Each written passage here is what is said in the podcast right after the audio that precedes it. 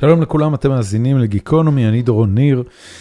אה, שבוע קשוח עבר על, אה, על העולם, ספציפית אה, אחרי הפרק שהקלטנו בשבוע שעבר עם יאיר נבות, השבוע האחרון במלחמה בין רוסיה לאוקראינה חצתה באופן סופי את הקווים מסתם מלחמה מזעזעת למשהו שמתחיל להרגיש כמו הדברים הגרועים ביותר שחווינו כבני אדם. התמונות שלאט לאט מטפטפות בחדשות ושאף אחד לא באמת רוצה לשתף אותן, אבל מצד שני לא יודע מה לעשות חוץ מאשר לספר עליהן, אה, קורות סביבנו. ו... וזה הופך את כל ה... עבורי את כל השבוע הזה למשהו אה, לא פשוט.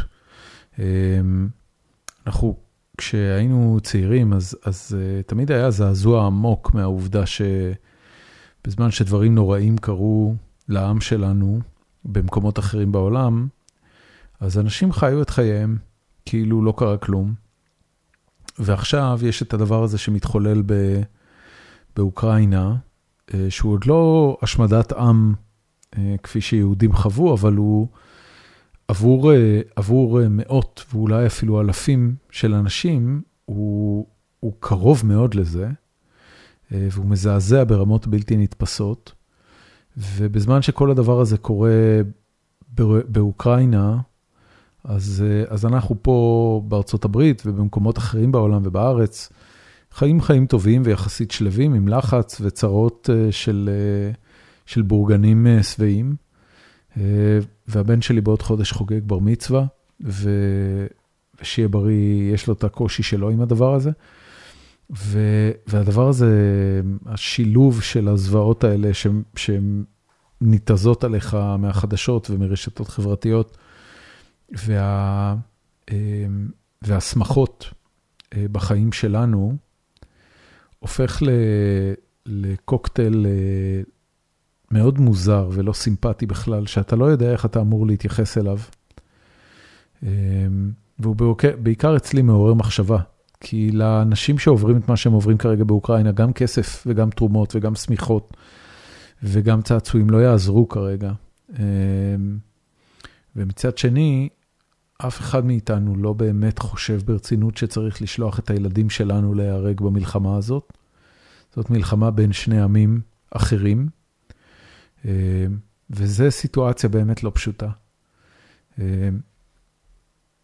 אין לי הרבה מה להרחיב מעבר לזה, פשוט חשבתי להתחיל עם זה, כי אחרי הפרק של אה, יאיר נבות לא הפסקתי לחשוב על, אה, על, על זה שהתעסקנו הרבה מאוד בפוטין, והתעסקנו הרבה מאוד ב, ברקע ובסיבות ובהתנהלות שמובילה לדבר הזה להתחולל, אבל לא דיברנו כמעט בכלל על הדבר עצמו, על הזוועה עצמה. והזוועה עצמה היא גרועה וגדולה יותר מכל דבר אחר שאפשר לדבר עליו בסיפור הזה.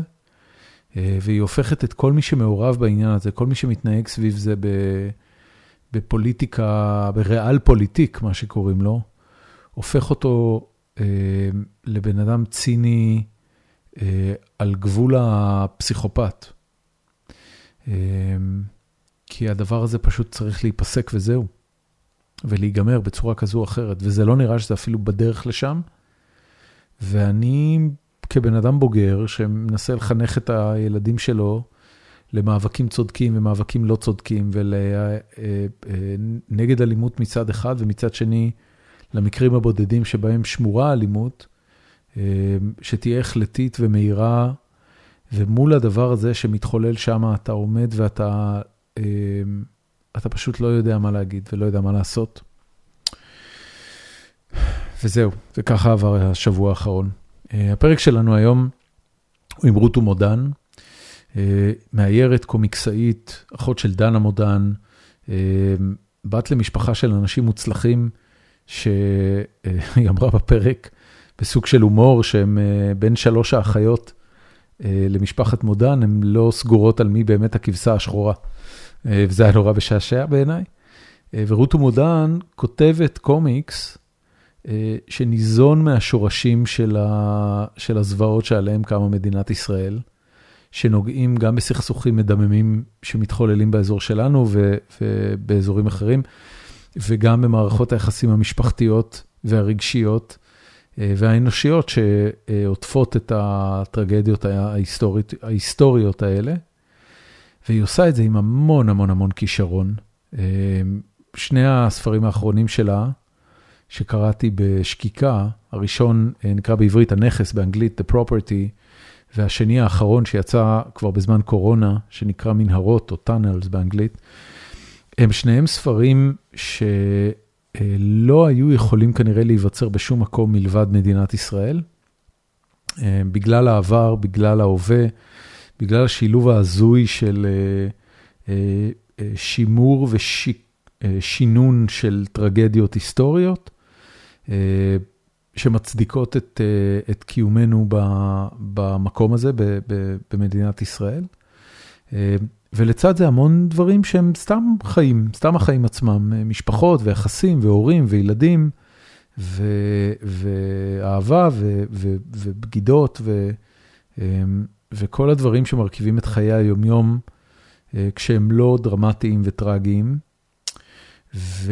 והיא כל כך חכמה וכל כך רגישה וכל כך מדויקת, שפשוט מצאתי את עצמי לאורך כל הפרק הזה, רק נותן לה לדבר. היה משהו עבורי לפחות נורא מרגיע ומענג בלתת לה לדבר.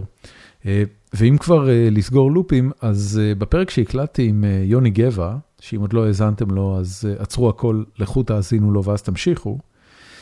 אז דיברנו על זה שבדיוק אז קראתי את מנהרות ונורא נהניתי מהספר, ובשיחה עם יוני פתאום עלה שהוא בן להורים ארכיאולוגיים, וזה היה הזוי לחלוטין, כי הספר הוא כולו על ארכיאולוגיה ועל חיים של ילדים שגדלים בבתים של ארכיאולוגים, ועל ההסללה המשפחתית של ארכיאולוגיה, אם בכלל יש דבר כזה. ואז חשבתי שזה יהיה נחמד להזמין את יוני לפרק. וחשבתי שיהיה חיבור מעניין, וחשבתי שיהיה שיח מעניין על יוני שגדל בבית של שני ארכיאולוגים, ועל רוטו שכתבה על זה ספר.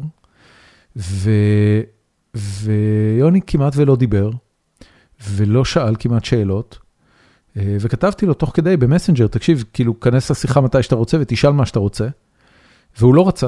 ואחרי שירדנו מהפרק, אז שאלתי אותו אם הכל בסדר, ואני מקווה שהוא לא נעלב, שיצא שהוא דיבר פחות מדי. הוא אמר לי, לא, לא, לא, פשוט רציתי לתת לה להמשיך לדבר, וזה בדיוק איך שאני הרגשתי. ונורא שמחתי שהוא הרגיש ככה, וזהו, וזה היה פרק ממש כיפי מבחינתי, בגלל כמויות הכישרון ובגלל הדרך הנורא נורא נורא מעניינת שרוטו בונה את ה... רומנים הגרפיים שלה, איך היא מייצרת אותם, איך היא כותבת את הסיפור ואיך היא מייצרת את העלילה ואיך היא משתמשת בשחקנים. על כל זה בדקות הקרובות. לפני שנעלה לפרק, תודה ממש קטנה לכל מי ששלח לי הודעות בעקבות הפרק עם יאיר נבות, ועוד יותר למי ששלח לי הודעות בעקבות הפרק עם אחינועם ניני.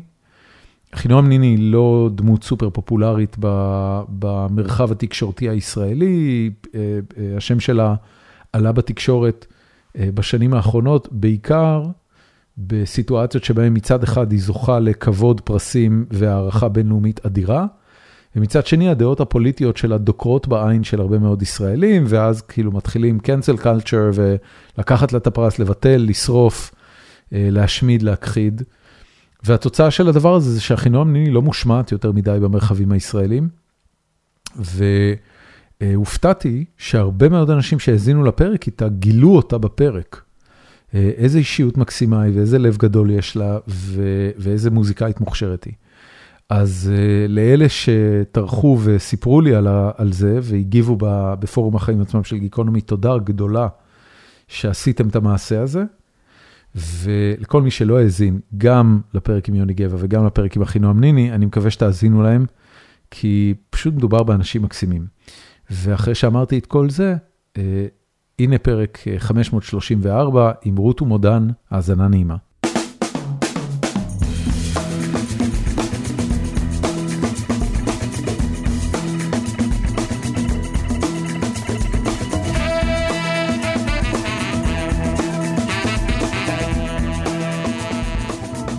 שלום רב לרות ומודן.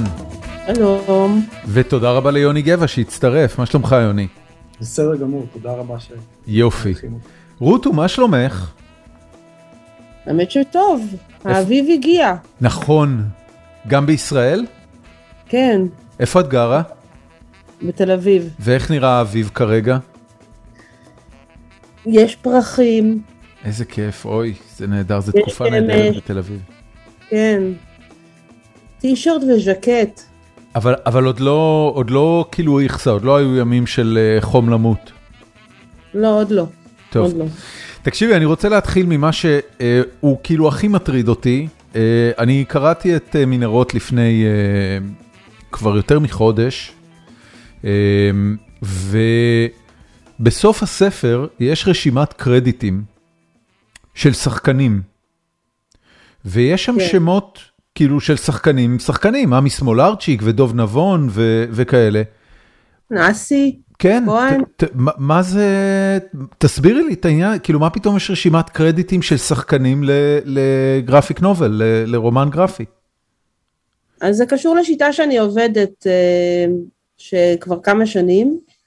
כבר ב- ברומן ה- בית הקודם שלי, הנכס, גם השתמשתי בה. אבל לא היה שם רשימת קרדיטים, או לפחות לא ראיתי. היה? היה? לא, לא, כמובן. אז אני, אולי עם הגרסה האנגלית אין את זה? לא, יש. אני, אני צריך לבדוק את זה. לא הסתכלת טוב. יכול להיות. אז, אז מה זה השיטה הזאת? תסבירי לי. אמ, אז ככה, אני, אחרי שיש לי את התסריט, אני קוראת לזה תסריט, למרות שזה לא בדיוק תסריט, כי זה לקומיקס.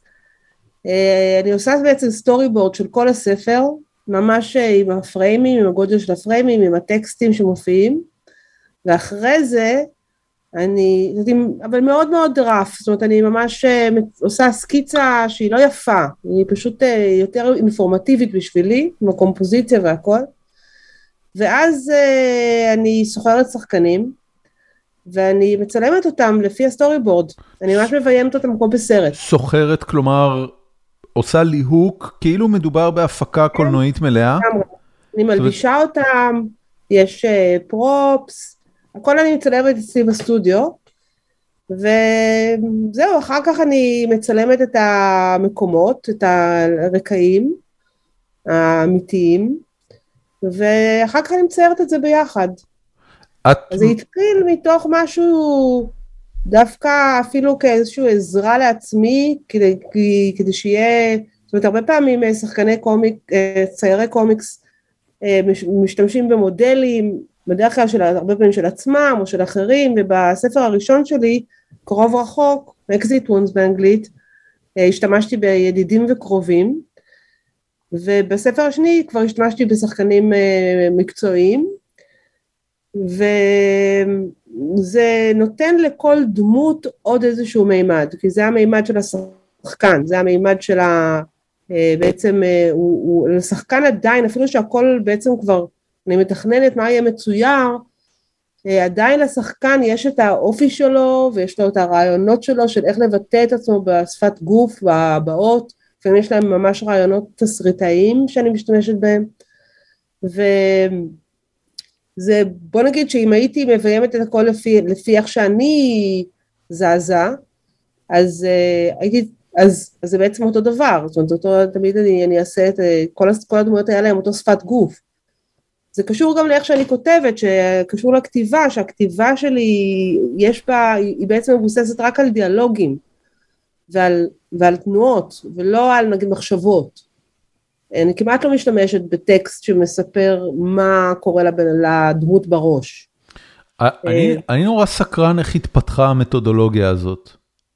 א- א- איך כאילו, הרי זה, העבודה של הקומיקס, קו- קומיקסאים בדרך כלל מתחילים בלצייר לעצמם. כל הקומיקסאים שהכרתי בחיי היו אנשים שקומיקס היה הדרך שלהם לבטא את עצמם מול העולם, בלי הצורך לפגוש אנשים אחרים או לעבוד עם אנשים אחרים אפילו. זה הם לבד עם הנייר, מספרים סיפור, ו, ודרכו מתחברים אל העולם. ופה את מתארת תהליך שאני אני בכלל מתפלא למה את לא מביימת את זה כסרט בסוף, כי את אומרת, אני בעצם עושה את כל השלבים, אבל בסוף יש רומן גרפי ולא סרט. איך התפתחה השיטה הזאת? טוב, פתחת המון נושאים. המון. המון, תפרקי לי אותם אחד-אחד. כן. סליחה, אני לא יכול להתאפק, כאילו זה, פוצץ לי את המוח עכשיו עם שיטת העבודה הזו, לא דמיינתי שזה מה שזה. אני אמרתי לעצמי כשקראתי, אוקיי, אולי היא רוצה שהדבר הזה יהיה תסריט והיא מראש כאילו תכננה שאלה יהיו השחקנים, אז היא עושה להם, לא, לא דמיינתי שזה הסיפור.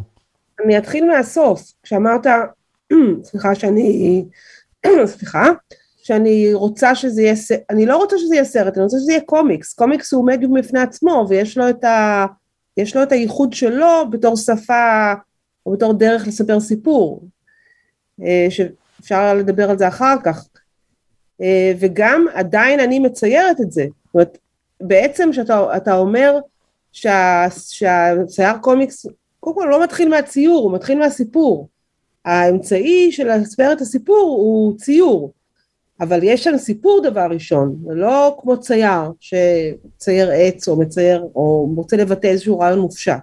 אני רוצה לספר סיפור, והאמצעי שלי זה הציורים, ואני עדיין מציירת את הכל. גם ציירים עובדים עם מודלים. זה לא, אנחנו לא חיים, לא, לא חיים באיזה קופסה שחורה והכל, זה גם מה שיש לנו בראש, הזיכרון הוויזואלי שלנו, של איך נראה העץ, של איך נראה בן אדם, של איך נראה ילד, מבוסס על, על הראייה שלנו והתפיסה הוויזואלית שלנו, של כל אחד מאיתנו. מה ש... מה ש... איך שהשיטה התפתחה, זה התחלתי קצת להסביר, זה התחיל, פעם בכלל עבדתי בלי מודלים. ואחר כך התחלתי להתבסס באמת על יותר, השפה נהייתה יותר ריאליסטית, והתחלתי להתבסס יותר על מודל, כמו שאמרתי, על עצמי, או לבקש מאנשים שיעמדו בשבילי. ובספר הראשון, בספר הראש, הראשון, ב Exit Wounds, זה היה בעצם הפעם, הפעם הראשונה שליהקתי או שהשתמשתי במודל לכל דמות שיהיה לה את המודל שלה מתוך הרצון של להסתמך מאוד על שפת גוף. כי בקומיקס יש בעצם את הציור ויש את הטקסט והקומבינציה שלהם היא לא, היא, יש לה כל מיני קשרים בין הטקסט והציור. כמו שבמציאות אנחנו לא תמיד אומרים את מה שאנחנו חושבים כן יש את הסאבטקסט כן אם מישהו אומר אוי אתה נראה טוב בזמן האחרון כן, או... וואו, אתה נראה מעולה. זה היה כאילו, היה שם את המיצוי של הפולניות ככה בשכבה למטה, זה היה נורא יפה. אוקיי, אני מהבית. כן, כן. כן. אה, אז יש, זאת אומרת, איך, בקומיקס אין לך את הסאונד, אין לך אינטונציה, על מה תסתמך בציור? כן. על פרצוף, על הבעה של הגוף, אתה יכול, לה... ואז אפשר לייצר בעצם כל מיני, לייצר את הסאבטקסט הזה.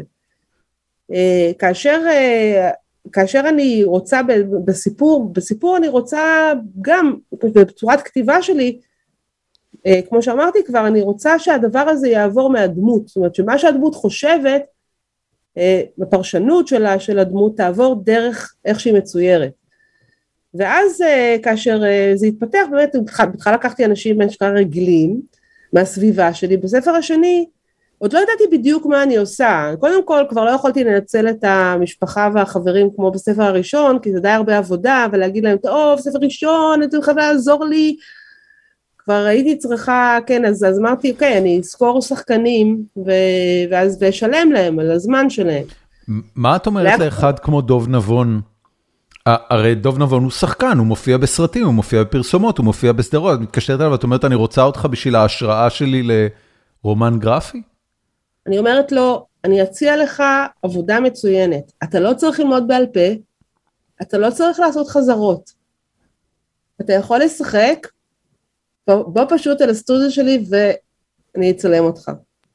והוא זרם. הוא אומר, אוי, נשמע מגניב, שחקן קומיקס. זה אף פעם לא היה לי, אני רוצה שורה כזה בסיבי, שורה כזאת בסיבי. כשאת עושה את החזרות האלה, או את, ה, את ההכנה הזאת, את מגיעה עם תסריט מלא, מוכן כבר, או שזה נקודות שאיתן את עובדת על ה... לא, אני מגיעה הרבה יותר, הרבה יותר מתסריט מוכן, אני מגיעה עם סקיצה לכל פריים, זאת אומרת, יש לי את הספר כולו בסקיצה מאוד uh, מהירה, אבל מאוד, כאילו של מה בדיוק כל פריים, אני חייבת לתכנן את זה בגלל ש... בוא נגיד אני צריך, שאני צריכה בן אדם מצב, שמצביע, אה, אבל הפריים שלי הוא פריים צר, ו, צר וקטן, אז ההצבעה שלו למשל תצטרך להיות מאוד קרובה אל הגוף שלו, כי אחרת אה, אני צריך לצייר מאוד מאוד קטן. זאת, אבל, אבל יש לי ממש, זאת אומרת, הדבר הזה של השלד הזה, ה storyboard הזה, הוא, הוא, הוא, הוא דבר מאוד, הכי משמעותי, אני לא יודעת אם הוא הכי משמעותי, אבל הוא דבר מאוד מאוד מרכזי, כי הוא בעצם הזרימה של הסיפור. שם נקבע באמת איפה, איך, איך הדברים, אני, איך, גם בגדלים של הפריימים, לא רק בחלוקה, אלא אפילו בגדלים של הפריימים, מתי עובר עמוד, מתי זאת, אפילו המעבר של העמוד, הוא, או של המעבר של הכפולה שמעבירים את הדף, הוא מתוכנן בצורה הזאת של, של ביט, זה נותן איזשהו ביט בתוך, ה, בתוך הקריאה. Mm-hmm. זה איזשהו אמצעי שלי באמת לייצר את ה...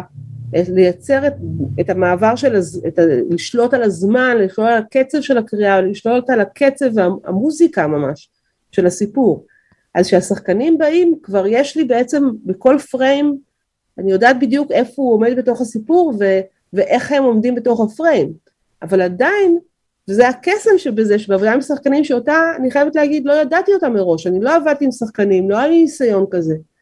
אמ, ו, ו, וזה באמת לא ידעתי כמה, כמה בעצם אני מדברת על להכניס מישהו לתוך העבודה שלי, ואם דיברת על העבודה של צייר קומיקס, הרבה ציירי קומיקס, הרבה פעמים מדברים על זה, על זה עבודה של נזיר, אתה באמת נכון. שנים, נשים, יושב ומצייר ב, כן. בסטודיו, יש גם את החלק הזה בעבודה שלי, אבל אה, ולהכניס אנשים פנימה לתוך הסיפור ולהגיד אוקיי, מה, מה אתה מביא לתוך הדמות, זו היה הפתעה, זו היה אה, הפתעה מאוד נעימה הרבה פעמים, כי שחקנים יש, זה, זה, המקצוע, זה, זה המקצוע שלהם, זאת אומרת, זה המומחיות שלהם להביע את עצמם בעזרת, אה, בעזרת תנועות ופרצופים. וזה הוסיף עוד איזו שכבה שלפעמים היה לה אפילו השפעה על התסריט. זה מה שרציתי לשאול, נגיד שחקן עכשיו בא עם איזושהי יציאה מגניבה שעכשיו את חייבת להכניס לתסריט. כמה באמת נגיד מה, מהתסריט הסופי הוא משהו ש, שנובע מעבודה עם השחקנים? או, זה, זה, די, זה די סגור כבר כשאני באה עם השחקנים, אבל אפשר להגיד שזה עוד סקיצה. כי אני יכולה לבדוק אה, אפילו ברמה של עם בדיחות מצחיקות, או אם יש אה, דרמה, או אם צריך אה, לפעמים יש את איך שאני מדמיינת את הסיפור אה, כשאני כותבת אותו, ויש את איך שאני מדמיינת את הסיפור כאשר אני עושה את הסקיצה, ואז יש עוד, אה, עוד שלב. אה, זה, וכל פעם באמת זה הולך ומצטמצם, זאת אומרת זה לא, זה, זה, אני יכולה להגיד שהסטורי בורד מאוד קרוב לתוצאה הסופית מבחינת האינפורמציה. אבל בכל זאת יש שם את, ה, יש, יש שם את ה... את, אפילו הדמות שהשחקן מביא איתו, זאת אומרת, אני בוחרת אה, את אורי הוכמן למשל, שהוא שיחק בספר בנכס, הוא שיחק דמות שהיא קצת נכלולית, ו, אבל, אבל אורי עצמו הוא בן אדם מאוד מאוד חמוד ומצחיק, והוא בן אדם ממש מקסים, והדמות נהייתה הרבה יותר נחמדה מתוך, ממה שאני תכננתי, אה, אבל אם זה מתאים לי, אם זה מסתדר לי טוב עם הסיפור, אם זה מסתדר טוב עם מה שאני רוצה להגיד, אז אני, להפך, אני מחבקת את זה. אני, אני חושבת שזה זה, זה, זה תענוג בעיניי. יש לי עוד המון שאלות על זה, אבל אנחנו נעצור את, ה, את הנושא הזה פה. אני, בואי נלך אחורה. אמ, הביוגרפיה והבית שבו צמחת, אה, אני מניח לא הסליל אותך להיות אה, קומיקסאית. אבא שלך אה, היה... אה, מנכ"ל משרד הבריאות, אה, ובאופן כללי חוקר סרטן, אה, אני אני מניח שאת וגם אחותך דנה, יש עוד אחים אגב במשפחה? אחים, אחיות? יש לנו אחות גדולה, okay. שהיא רופאה. אוקיי. וחוקרת, ומדענית. אז אז מישהי מישהי הלכה, כן, כן. בדיוק. יש בינינו ויכוח בין שלושתנו מי הכבשה השחורה. היא מרגישה שהייתה לה ברירה? היא עשתה מה שהיא, מה שהיא, היא עשתה מה שהיא בחרה, היא מאוד אוהבת את המקצוע שלה, אבל okay. אוקיי. זה נכון מהבחינה הזאת שגם. אימא שלי הייתה אגב אה. אה, חוקרת ומדענית, אה, לא פחות מאבא שלי, ו... ו... ו... וכן היה טוב, קודם כל אבא שלי באמת חשב שיש מקצוע אחד בעולם וזה רופא. כן. זה המקצוע היחידי. כן. אחר כך, אם אתה לא כזה מוצלח, אז uh, אתה יכול להיות uh, אולי רופא שיניים, הפדיאטריסט. או במקרה הגרוע תהיה עורך דין, מהנדס. רואה חשבון, חס ושלום. כן, כן, כן. זה כן. כבר לא... זה כבר לאנשים אחרים, למשפחות אחרות. אה, אז בשבילו זו הייתה די טרגדיה שנרשמתי לבצלאל. איך איך זה אה, נראה? איך- איך- איך נראית החוויה הזאת בבית? אגב, רק רק כדי להגיד, אני, יש לי הזדהות עצומה עם הדבר הזה, אמנם לא בקטגוריה של רפואה וחוקר סרטן, אבל אבל גדלתי בבית אה, שהנדסה היא מתכון לחיים בריאים ומוצלחים, אה, והוסללתי להנדסה, ועוד יותר ספציפית הוסללתי לעת- לעתודה, וכשפרשתי ממנה היה שבר מאוד גדול במשפחה, מאוד מאוד גדול. אה, אז אז תספרי לי כאילו איך הדבר הזה נראה אצלך, מתי ההחלטה התגבשה, איך מנהלים ויכוח עם אבא שיש לו כל כך הרבה אה, ש- שכנוע עצמי שזה שזה הדבר הנכון לילדים שלו, ואם לא אז חורבן. קודם כל אני רוצה להגיד שגם היה לי חבר בשנות ה-20 שהוא היה מהנדס וכשנפרדנו אז גם היה מזה, איך עזבת מהנדס? כן, וואו. זה אוקיי, זה, תראה, הוא באמת הוא, אה, קודם כל פשוט התעקשתי. אמ, ה- היה כבר עבודות? זאת אומרת, הראת לו ואמרת, אבל אבא, תראה, יש לי כישרון, אני, אני, זה מה שאני רוצה לעשות בחיים? קודם כל, מה, זה לא היה שאסרו עליי, אה, זה, זאת אומרת, זה היה מין ויכוח כזה, אה, אה, וכן, אני תמיד ציירתי ותמיד כתבתי, אה, אבל זה היה, בוא נגיד, גם אימא שלי, שהייתה בן אדם הרבה יותר פתוח, והמסר העיקרי שלה היה, תעשי מה שאת אוהבת, גם היא חשבה שזה מאוד מאוד משעשע, שסיפרתי לה מה אני הולכת ללמוד, היא רצתה שאני אסביר לה מה זה, ואז היא אמרה, ואז היא, וזה ממש הצחיק אותה, זאת אומרת, הצחיק אותה שיש על זה תואר. אבל לא בקטע רע, פשוט היא, זה פשוט שישע אותה, זה, זה היה, ההורים שלי מאוד אהבו דווקא אומנות ומוזיקה, אבל זה היה מין, זה כאילו תחביב שאתה עושה אולי בסוף שבוע, אחרי שאתה מנתח אנשים. היה לאבא שלי משפט שהוא שנים היה אומר לי אחר כך, אחרי שכבר סיימתי בצלאל וכבר עבדתי וכבר פרסמתי, אז הוא היה אומר, אה, איך היית יכולה להיות כזאת מנתחת פלסטיק מעולה עם הידיים שלך?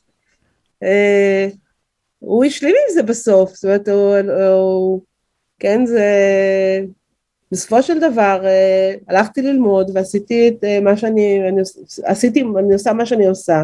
זה חייב אותך לרצינות יתרה? זאת אומרת, זה חייב אותך... אם, אם כבר אני מביאה את השבר והחרפה הגד- הגדולה הזאת על משפחתנו, אז אני חייבת להיות אה, קומיקסאית סופר מוצלחת? בהחלט זה היה, זאת אומרת, אני לא יודעת מה היו האופציות בכלל, אני חושבת שהיה כזה, האופציות הן בכל מקרה היה, אתה יודע, לנו, יש, לי, יש לנו זיכרון, לי ולאחיות שלי, שפעם ישבנו עם אבא שלי בארוחת ערב, גם כבר היינו נשות מקצוע וזה, אבל זה היה לפני, מה, 25 שנה. והוא אמר, אה, אבל היינו בתחילת הדרך, והוא אמר, אה, והתחלנו להגיד לו, אז זה, זה, אתה תמיד רוצה, תמיד מלחיץ אותנו, ואתה אף פעם לא מרוצה, ותמיד יש לחץ, אז הוא אמר, מה בסך הכל אני רוצה? אני רוצה שתהיו הכי טובות בעולם במה שאתם עושות. אני מאוד, הכי טוב בעולם במה שאני עושה, אז למה אתם לא יכולות? הוא לא היה בן אדם מאוד צנוע. כן. אז אמרנו, אה, לא, פעלנו עליו שלושתנו, זה בכלל היה כזה בית של נשים שתמיד אנשים נגד האבא. ואז הוא אמר, טוב, טוב, בסדר, אז בארץ. במגרשי חמר. קיצור, לא היה הרבה ברירות. ההורים, ש... אבל אני לא חושבת שזה היה מסר מילולי, המסר היה בעיקר, ההורים שלי היו אנשים שניהם מאוד, מאוד מסורים לעבודה שלהם, למדע, המס... לה... זה היה כמו לגדול באחוות סטודנטים, יותר מאשר בתור משפחה, זאת אומרת, כולם היו ב... בעבודה. כן. זאת אומרת, אנחנו היה לנו, בעצם לא קיבלנו חינוך, אלא כאילו היינו במחנה עבודה. וה, ו, וכן, היה מסר שאתה, עבודה זה דבר שאתה נורא נורא אוהב לעשות ואתה מתמסר לה בכל נשמתך וזה, ואז באמת היה שלא, אוקיי, אז גם מה שאתה עושה, לא משנה מה שאתה עושה. אז כן, זה, זה כנראה משפיע. מתי, משפיע. מתי נרגע להם? מתי העובדה שאת קומיקסאית אה, הפך להיות, אה, את יודעת, אוקיי, היא, היא, היא, היא הדבר האמיתי, זה, זה מה ש... זה בדיוק כמונו בחקר הסרטן, אבל, אבל היא קומיקסאית. אה, אוקיי, לא נעים לי להגיד באווירה, לעשות את האווירה אפלה, אבל הם פשוט אה, מתו לפני שזה קרה. הבנתי, אוקיי, זאת אומרת לא נסגר הלופ הזה. אה, והם היו צריכים, הייתי צריכה להגיע להשלמה איתם, כן, עם עצמי. איך הייתה הפעם הראשונה אבל שהראית, באת עם איזושהי יצירה שלך והראית להם את זה, זה... איך היה המפגש שלהם זה, מעניין אותי. זה מאוד שונה, אימא שלי כבר כן, היא הספיקה לראות, אה, פרסמתי אה, טורי קומיקס בעיתונים, אה, וזה נור... היא הייתה מאוד גאה בזה והראתה את זה לאנשים, זה נורא הצחיק אותה, וגם אבא שלי לדעתי לא קרא אף ספר שלי, אבל הוא גם היה מאוד גאה בזה, זאת אומרת הייתי שולחת לו חוברות או זה, אז הוא היה גם, הוא היה נותן אותם במתנה לחברות שלו. הוא, הוא הבין, אה, את יודעת, היצירה שלך היא לא יצירה אמ, פנטסטית במובן הקומיקס מרוויל, DC וכל זה, אלא היא מאוד אה, מעוגנת בתרבות וברקע שממנו את באה, ושגם אני מאוד מזדהה איתו. אה, הוא הבין מה את עושה במדיום עם הביוגרפיה הפרטית שלך, עם ההוויה הישראלית? קודם כל, מה, כל, מה שאתה מדבר עליו של העיסוק שלי בהוויה הישראלית או בחומרים ישראלים, הוא בא באמת אה, כבר אחרי שהוא נפטר וכבר הוא לא, הוא לא, okay. אוקיי. הוא לא ראה את זה. זה. זה אחרי 2001. רק אם הוא היה באמת אה, מבין את זה, אבל אני אגיד לך את האמת, זה לא, זה לא כל כך הטריד אותי וגם לא מטריד אותי כל כך עכשיו, כמו שזה יוצא בשיחה הזאת. כמובן, יש, יש לי אישו, אישו הורים חזק. לכולנו יש. שלי, וכן, כן. וה... אה, אבל אה, אני, אני, אני הייתי מאוד, אני עשיתי מה שאני, כמו אומרת, אני עשיתי מה שעשיתי, אני מאוד מאוד אה, אוהבת את זה, מאוד אהבתי את זה תמיד, והאישוס שלי היה יותר עם עצמי מאשר, כאילו בעבודה עצמה, האישוס שלי היה יותר עם עצמי מאשר עם ה... מאשר אם אני מרוצה מזה, מאשר אם אבא שלי או אמא שלי מרוצים מזה. את, את חושבת, אני, אני, סליחה מראש עם השאלה הזאת היא מעליבה. כי יש לה פוטנציאל להעליב. להעליב חופשי, תעליב. לא, לא, לא, לא, ממש לא, ממש לא, אני לא רוצה להעליב, אבל יכול להיות שיש משהו בזה שכשההורים הסתלקו מהעולם זה שחרר אותך מבחינת היצירה? יש, יש את אה, הביטוי, את מכירה את הביטוי אשרי יתום אני? כן, לגמרי. קודם כל יש בזה, בוא נודה, יש שחרור ביתמות, יש חופש. אוקיי. Okay. עם כל הצער, ואני מאוד אהבתי את ההורים שלי, ואני באמת מאוד, מאוד קשורה אליהם ולזיכרון שלהם, אה, למרות כל מה שאמרתי. אה, אז, אה, אבל יש, יש איזה שחרור מהעין הזאת שמסתכלת עליך. זה שחרר אותי מבחינת חומרים. כן. זאת אומרת, הרבה מהחומרים האישיים, המשפחה שלנו היה משהו כזה, כן, די כזה דיסקרטי וסודי בתפיסה. ונו, פולנים, נו, לא אה, מספרים סודות משפחתיים בחוץ. אז זה שחרר אותי מאוד מהבחינה הזאת של באמת אה, שאני יכולה לכתוב על הדברים, ובכל הסיפורים יש, אה, בכל הספרים יש אלמנטים ביוגרפיים מאוד חזקים, למרות שזה, שזה fiction, למרות שזה לא אוטוביוגרפי, אבל יש הרבה אלמנטים שאני שואבת מהביוגרפיה שלי, שכן, יכול להיות שהיה לי יותר קשה להוציא אותם, להוציא אותם ככה, להוציא אותם אה, בנוכחות שלהם, לחשוף אני, דברים. אני, אני אשאל אפילו יותר מזה, אה, ברגע שהורים מסתלקים מחיינו, אנחנו יכולים להידמות להם יותר בלי להרגיש רע עם זה. יש משהו בנוכחות שלהם בחיים שלנו, ש... שהיא הנוכחות עצמה, זאת אומרת, זה מה שאנחנו רגילים, זו אותה דינמיקה מהילדות שלנו, אנחנו הילד, הם המבוגר. ברגע שהורים מסתלקים, אני ראיתי את זה אצל כל מיני חברים שלי ש... שנאלצו להיפרד מהוריהם בטרם עת. שהם פתאום, פתאום התכונות של ההורים שלהם שהוטבעו בהם מגיל צעיר, מתחילות לקבל יותר נוכחות, כי ההורה חסר להם בחיים והם משלימים את זה עם עצמם. את מבינה למה אני מתכוון? כן, אני חושבת אם זה מתאים לי, זה קצת קשה, כי קודם כל, אימא שלי, הייתי, הייתי, אני לא, קודם כל, מה שהרצתי את אימא שלי. אני חושבת שהייתה אימא נפלאה, ואישה מאוד מאוד מרשימה, ולא הגעתי איתה בכלל לשלב של הבעיטה. כאילו, כשהיא חלתה, הייתי צעירה מדי, חלתה, הייתה חולה כמה שנים, אה, ולא הגעתי איתה בכלל לשלב של, של, של לבעוט בה או של לנסות אה, לא להידמות אליה. אה, ואני אגיד לך גם, זה המון המון שנים, אני המון המון שנים יתומה. כן. אז אני כמעט, הקונספט הזה של הורים, הוא כבר כמעט נשכח ממני. למשל כל, בדור שלי, הגיל, אנשים בגיל שלי מאוד עסוקים בהורים, בהורים המזדקנים.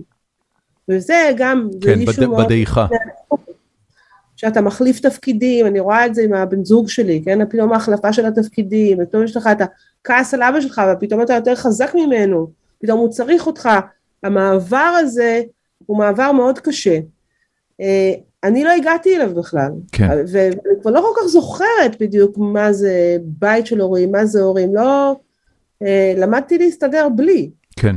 אה, והנוכחות הנוכחות של ההורים היא נוכחות אה, שהיא ביומיום שלי, הנוכחות של ההורים שלי, אה, רק, רק היא בראש שלי, ובראש, את, אתה יודע, את מדברת איתם? בראש, את מדברת איתם ביומיום? שאלה קצת, אה, קצת אינטימית אה, מדי, אבל בדרך מסוים, באופן מסוים כן, באופן מסוים אה, מתייעצת עם ה... כן, לא בקטע מיסטי, זה לא, זה אפילו... לא, לא, לא, ברור, ברור, בקולות, כן. יש אנשים ש, ש, שהם אולי לא איבדו אנשים קרובים, אנשים שאנשים איבדו, איבדו אנשים קרובים, אז הנוכחות של, ה, של האדם המת אה, הקרוב הוא, היא נורא נורא חזקה עד שבאמת היא כמעט יכולה, זאת אומרת, אתה קצת אדם מאמין, אני יכולה להבין איך אתה יכול, נורא נורא מובן לי איך אפשר לחשוב, מרגיש, כי הנוכחות היא חזקה מאוד. מאוד. לי, לי הייתה סבתא ש, שהיא הייתה תמיד בחיים שלי, אה, היא הייתה הקול הפשוט של common sense. כאילו, כש, כן. כש, כשהייתי רוצה לקבל את האמת הפשוטה, אה, הייתי הולך ומדבר איתה, והיום כל מה שאצלי בתודעה מוגדר כ-common sense מדבר בקול שלה, בגלל העניין הזה. אז, אז יוצא שאני מדבר הרבה עם סבתא שלי, כי, כי, כי, כן. והיא נפטרה לפני עשרות שנים. אה, טוב, אני, אני הזמנתי את יוני, כי לפני כמה חודשים הקלטתי איתו פרק, ותוך כדי הפרק הייתי בדיוק באמצע הקריאה של מנהרות, ו... ולתדהמתי הרבה סיפרתי לו שאני, שאני קורא את הספר ונורא נהנה ממנו, ו... ואפילו אני חושב קניתי לך עותק אחרי זה, שלחתי לך הביתה. נכון. פוצץ לי את המוח לגמרי שהוא בן לשני ארכיאולוגים, ואמרתי, זה, אין, אין מצב כאילו בעולם שאני בדיוק מספר לו על ספר על ארכיאולוגיה ועל... אה, ועל, ועל החיים של ארכיאולוגים ועל ההוויה של לגדל ילד בסביבה של ארכיאולוגים, והוא, והוא ילד כזה. אז אמרתי, אוקיי, אני חייב שהוא יהיה בפרק הזה איתנו. אמ, ו, ואני רוצה לשאול דווקא אותך, יוני, איך, אה, איך זה לקרוא על, איך זה לקרוא את הספר כבן של ארכיאולוגים, ש, שבאמת זה ההוויה של הילדות שלו? גם אותי זה ממש מעניין. אה, זה לא רק זה ארכיאולוגים שגדל בירושלים. אמ, לי זה היה, זה היה סוריאליסטי, זאת אומרת, את ציירת שם מקומות שאני זוכר. המחסנים האלה בהר הצופים, כאילו, היית שם, ביקרת כן, שם, ביקרת מקום, וזה מקום שאני לא הייתי בו, חושב, 25 שנה כבר, ופתאום אני אומר, וואו, נכון, ככה זה היה. המדפים האינסופיים האלה עם, עם, עם חרסים. אמ, וזה, אני מאוד אהבתי את הספר שלו, זאת אומרת, אה, קיבלתי אותו בדואר וישר קראתי אותו, והוא משלב, את יודעת, כל מה שאני אוהב, זה סיפור כזה, הרפתקאות על uh, ארון הברית, ואני לא יודע, אני עושה ספוילרים בספר, אבל... לא, אני, אה, זה, זה ספוילר? נראה לי שזה... לא, זה לא ספוילר. אה, אין ספוילר? כן, זה בכל... אני פשוט כל כך נהניתי לקרוא אותו, והוא גם, הוא כתוב כמו סרט הרפתקאות, זה פשוט, אה, לא יכולתי להפסיק לו אה, לקרוא אותו, הוא מצחיק, הוא מותח. איך נולד הרעיון למנהרות? קודם כל תודה ליוני, זה היה ממש כיף לשמוע. אה, וגם באמת המחלקה לארכיאולוגיה בהר הצופים, זה אחד המקומות הראשונים שהייתי בהם כשהיה אחרי שהיה לי את הרעיון, כי לא ידעתי כלום על ארכיאולוגיה, וגם כי המחלקה לארכיאולוגיה מאוד מאוד קרובה לבצלאל. ובאתי לשם ונכנסתי באיזה כניסה אחורית והסתובבתי והייתי בשוק, כאילו, וואו, זה היה, אמרתי, וואי, אני חייבת לצייר את זה. הדבר הזה של אה, כל הממצאים האלה שאנחנו בדרך כלל רואים אותם במוזיאון ופתאום כזה ערימות על ערימות של דברים כאילו כמו איזה זבל בעצם, זה היה חלק ממה שהבעיר בכלל את ה... אצלי את הסיפור, או את מה שרציתי להגיד. איך שבא, איך בא הרעיון, איך באים רעיונות, כמו טלגרמה, מגיע. דופק בדלת יום אחד. יש לי חבר uh, טוב, uh, דני בייקון, שהוא uh, מעצב אינטראקטיב, והוא עשה את האתר לרשות העתיקות, למגילות הגנוזות, את האתר של מגילות הגנוזות. והוא היה לוקח אותי טרמפ לבצלאל, הוא גם תל אביבי ואנחנו היינו נוסעים ביחד והוא היה סיפר לי את כל הרפתקאותיו על רשות העתיקות והעבודה איתם ויום אחד שנסענו ככה לבצלאל, אני ממש זוכרת את הרגע הזה, נזכרתי פתאום אה, שהכרתי בשנות ה-20 שלי, כשהייתי סטודנט בבצלאל, אה, למדתי, לא במחלקה, אבל ב, למדתי בבצלאל, בחור שהוא ואבא שלו באמת אה, חיפשו את ארון הברית וחפרו בהר באופן לא חוקי ואני שמעתי את זה מעופר, שהוא הבן זוג שלי, והוא היה חבר טוב שלו. זה היה לפני שודדי התיבה האבודה או אחרי? מתי יצאה התיבה האבודה? 81 לדעתי? יוני, אתה בטח יודע יותר טוב ממני. לא, זה היה לי, אה, כן. לא, זה היה, מתי הם חפרו? דעתי לפני. לפני? לא קשור לעבודה.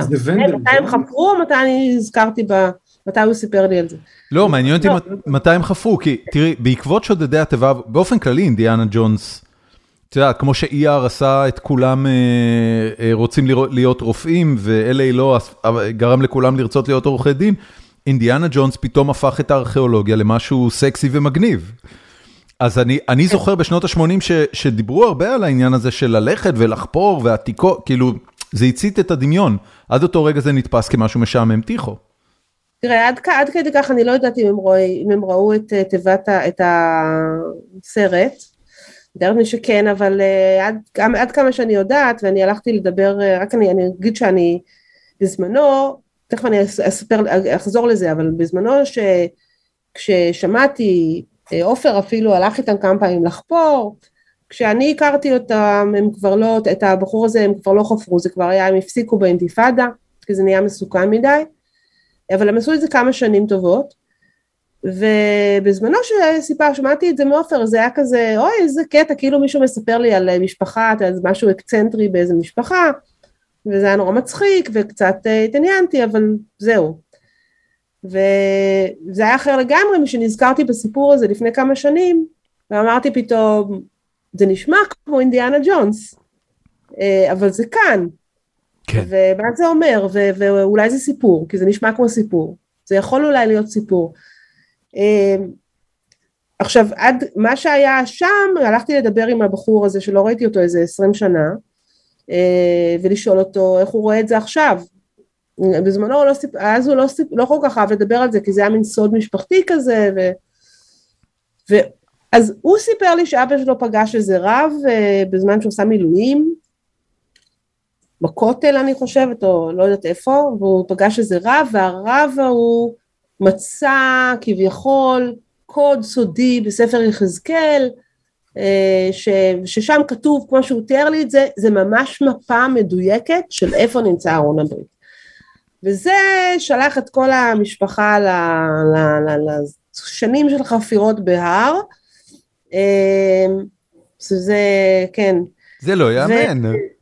אפילו הצלחתי למצוא את הטקסט כנראה בספר יחזקאל, אני רוצה להגיד לך, אני לא ראיתי שם... המפה לא, לא כל כך מדויקת. התנ"ך הוא, אתה יודע, מתון לפרשנות, כל אחד... אה, אה, בכל אופן זה לא, זה לא כל כך משנה, מה שמשנה זה שהכרתי גם את המשפחה, משפחה פחות או יותר נורמטיבית, לא משפחה דתית, לא מיסטיקנים, אנשים מאוד אינטליגנטים, חמודים נורא, גם האבא, הכרתי אותה, הייתי שם בבית. והש... אז השאלה הייתה למה? למה אנשים כאלה שהם פחות או יותר כמוני, פחות או יותר בבית שאני גדלתי, ירושלמים כאלה, ההורים שלי היו, היו ירושלמים, ירושלמים למרות שלא היו ירושלמים. הם למדו בירושלים והיה להם את ה... אתה יודע, את הדור הזה, ש, שכולם היו ירושלמים, או קיבוצניקים. ו, ולמה בעצם משפחה כזאת, למה, למה בן אדם כזה, כמו האבא של המשפחה, יצא להרפתקה הזאת, מתוך איזה, מתוך איזה, מה המוטיבציה, או, או למה בעצם, איפה האמונה? זה נורא נורא קשה לחפור לתוך הר, בייחוד עם ציוד uh, ביתי. זה, זה, זה מטורף. עוד לילד שלך, לילד שלך, את הילדים שלך, לעזור לך. אפילו מבחינה כלכלית, כן, הזמן שהם הקדישו לזה. אה, אז זה בעצם היה, זו הייתה בעיניי השאלה המעניינת, אה, אם אני לא מתייחסת אליהם כאל משוגעים או טיפשים, מה שאני אף פעם לא מתייחסת ככה לאף דמות שלי וגם לא משתדלת לא להתייחס ככה לאנשים, אז לנסות להבין את זה, ו, ומתוך זה צמחה ההבנה של הקשר בין ה, בעצם בין, ה, בין הציונות אפשר להגיד, או בין המציאות שלנו, בין, ה, בין, מה, בין, ה, בין מה שאנחנו, בין, בין הישראליות ובין המיסטיקה, או בין העבר, ובין העבר, או הסיפורים של העבר אם תרצה. שהם כאילו סיפורים דתיים, אבל אנחנו לא דתיים והציונות היא לא תנועה דתית. להפך, היא הייתה אמורה לזרוק את הדת, אה, להגיד אנחנו לא, אנחנו לא שם, אנחנו עם ככל העמים, יש לנו קטע, יש לנו שפה. הרצל בתוקף, אה, כן. ה-DNA הוא, הוא הסיפורים האלה. כן. וזה, שם יש פה איזשהו... הצלחת להבין... מתמודדים איתם כל היום, כל, כל יום אנחנו מתמודדים. הצלחת להבין למה, רגע רגע, אה, יוני רק שנייה אחת, הצלחת להבין למה הם חפרו?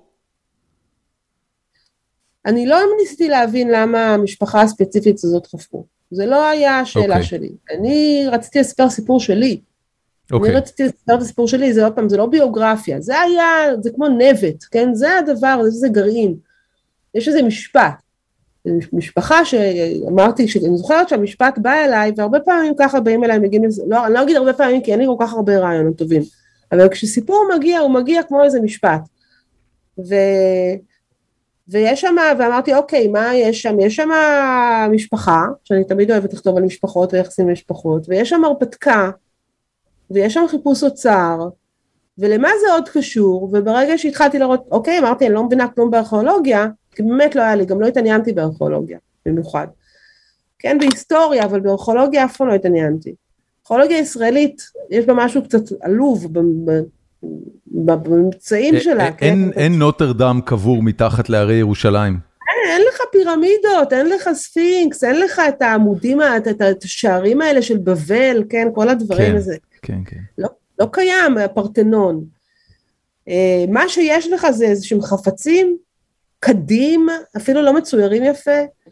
כמו שאמר לי, אמר לי אחד האספנים, הלכתי לראיין אספן מאוד uh, גדול של תקופת המקרא, ויש לו אחד, הבית שלו זה כמו באמת יותר ממוזיאון ירושלים, והוא בעצמו, שהקדיש את החיים שלו מגיל 14 ומאוהב בכל הדברים שלו, אמר, הסתכל בעצב מסביבו ואמר, תראי מה זה, זה כמו עבודות קרמיקה של ילדים בכיתה ב'. אז פה יש את ה... יחד עם מה שאמרתי על המחלקה לארכיאולוגיה, יש פה את הדבר של, זה לא הדבר, זה מה אנחנו שמים על הדבר. פה כבר יש משהו שמעניין אותי. מעניין כן. אותי באופן אישי גם, כן? זה, זה גם אני, אני גם חלק מזה. יוני, קטעתי אותך קודם, תשאל אה, את מה שרצית, בבקשה.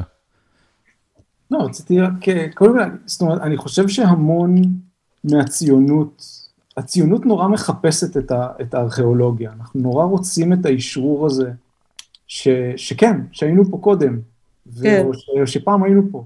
ו, וכל ממצא כזה, זאת אומרת, אני יודע שמאבא שלי ומההורים שלי, שכל פעם שמוצאים מטבע עם שם של מלך שמוזכר בתנ"ך, כן. זה, אתה יודע, זה, זה, זה הפרטנון שלנו. אז... יש המון המון רצון לעשות את זה, זאת אומרת, לחפש את הארמון של דוד המלך, למצוא איזשהו כתובת שכתוב עליה דוד המלך, זה כבר היה מספיק.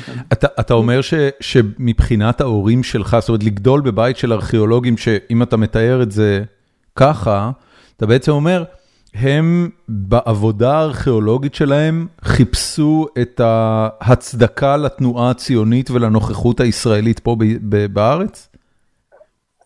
אני פשוט לא חושב, אתה יודע, הם לא, לא, הם לא הפכו להיות ארכיאולוגים מתוך איזושהי תחושת שליחות ציונית, אבל יש המון עניין בארכיאולוגיה זאת אומרת, זה המון מהשיחות, הם תמיד, גם אנשים שפונים אליהם, גם, אתה יודע, כשמפורסם ממצא וההתעניינות בעולם, לא רק של, של העולם היהודי, אלא העולם הנוצרי, יש המון, המון זיקה של, של הציונות לארכיאולוגיה, בצורה די, די מובנת. כן, אה, ודבר שני שרציתי לשאול זה, אני חשבתי שאת מדברת, את שמעת פעם על בחור בשם ונדל ג'ונס? זה מוכר לי השם, אני פשוט, אה, עם השמות אני כבר לא, לא זיכרון זה, זה גם קשור ל... זה הבחור ששימש השראה לאינדיאנה ג'ונס. כן, כן, אני קראתי עליו, אני פשוט... אה, אז הוא גם, הסיפור שלו גם מאוד דומה למה שאת מספרת, הוא, הוא בחור, אני חושב שהוא טקסני, הוא, הוא גם, הוא הגיע לפה, הוא הולך עם כובע של אינדיאנה ג'ונס, הוא החליט שהוא הולך למצוא את ארון הברית, אה, שקבור איפשהו שם במדבר יהודה, אה, וזה קשור למגילת נחושת ולקרני שמש שפוגעות בעמוד, וזה גם נורא הזכיר לי את החלק בספר שלך שם, של העמוד, הייתי בטוח שמישהו יבוא עם כזה מטה.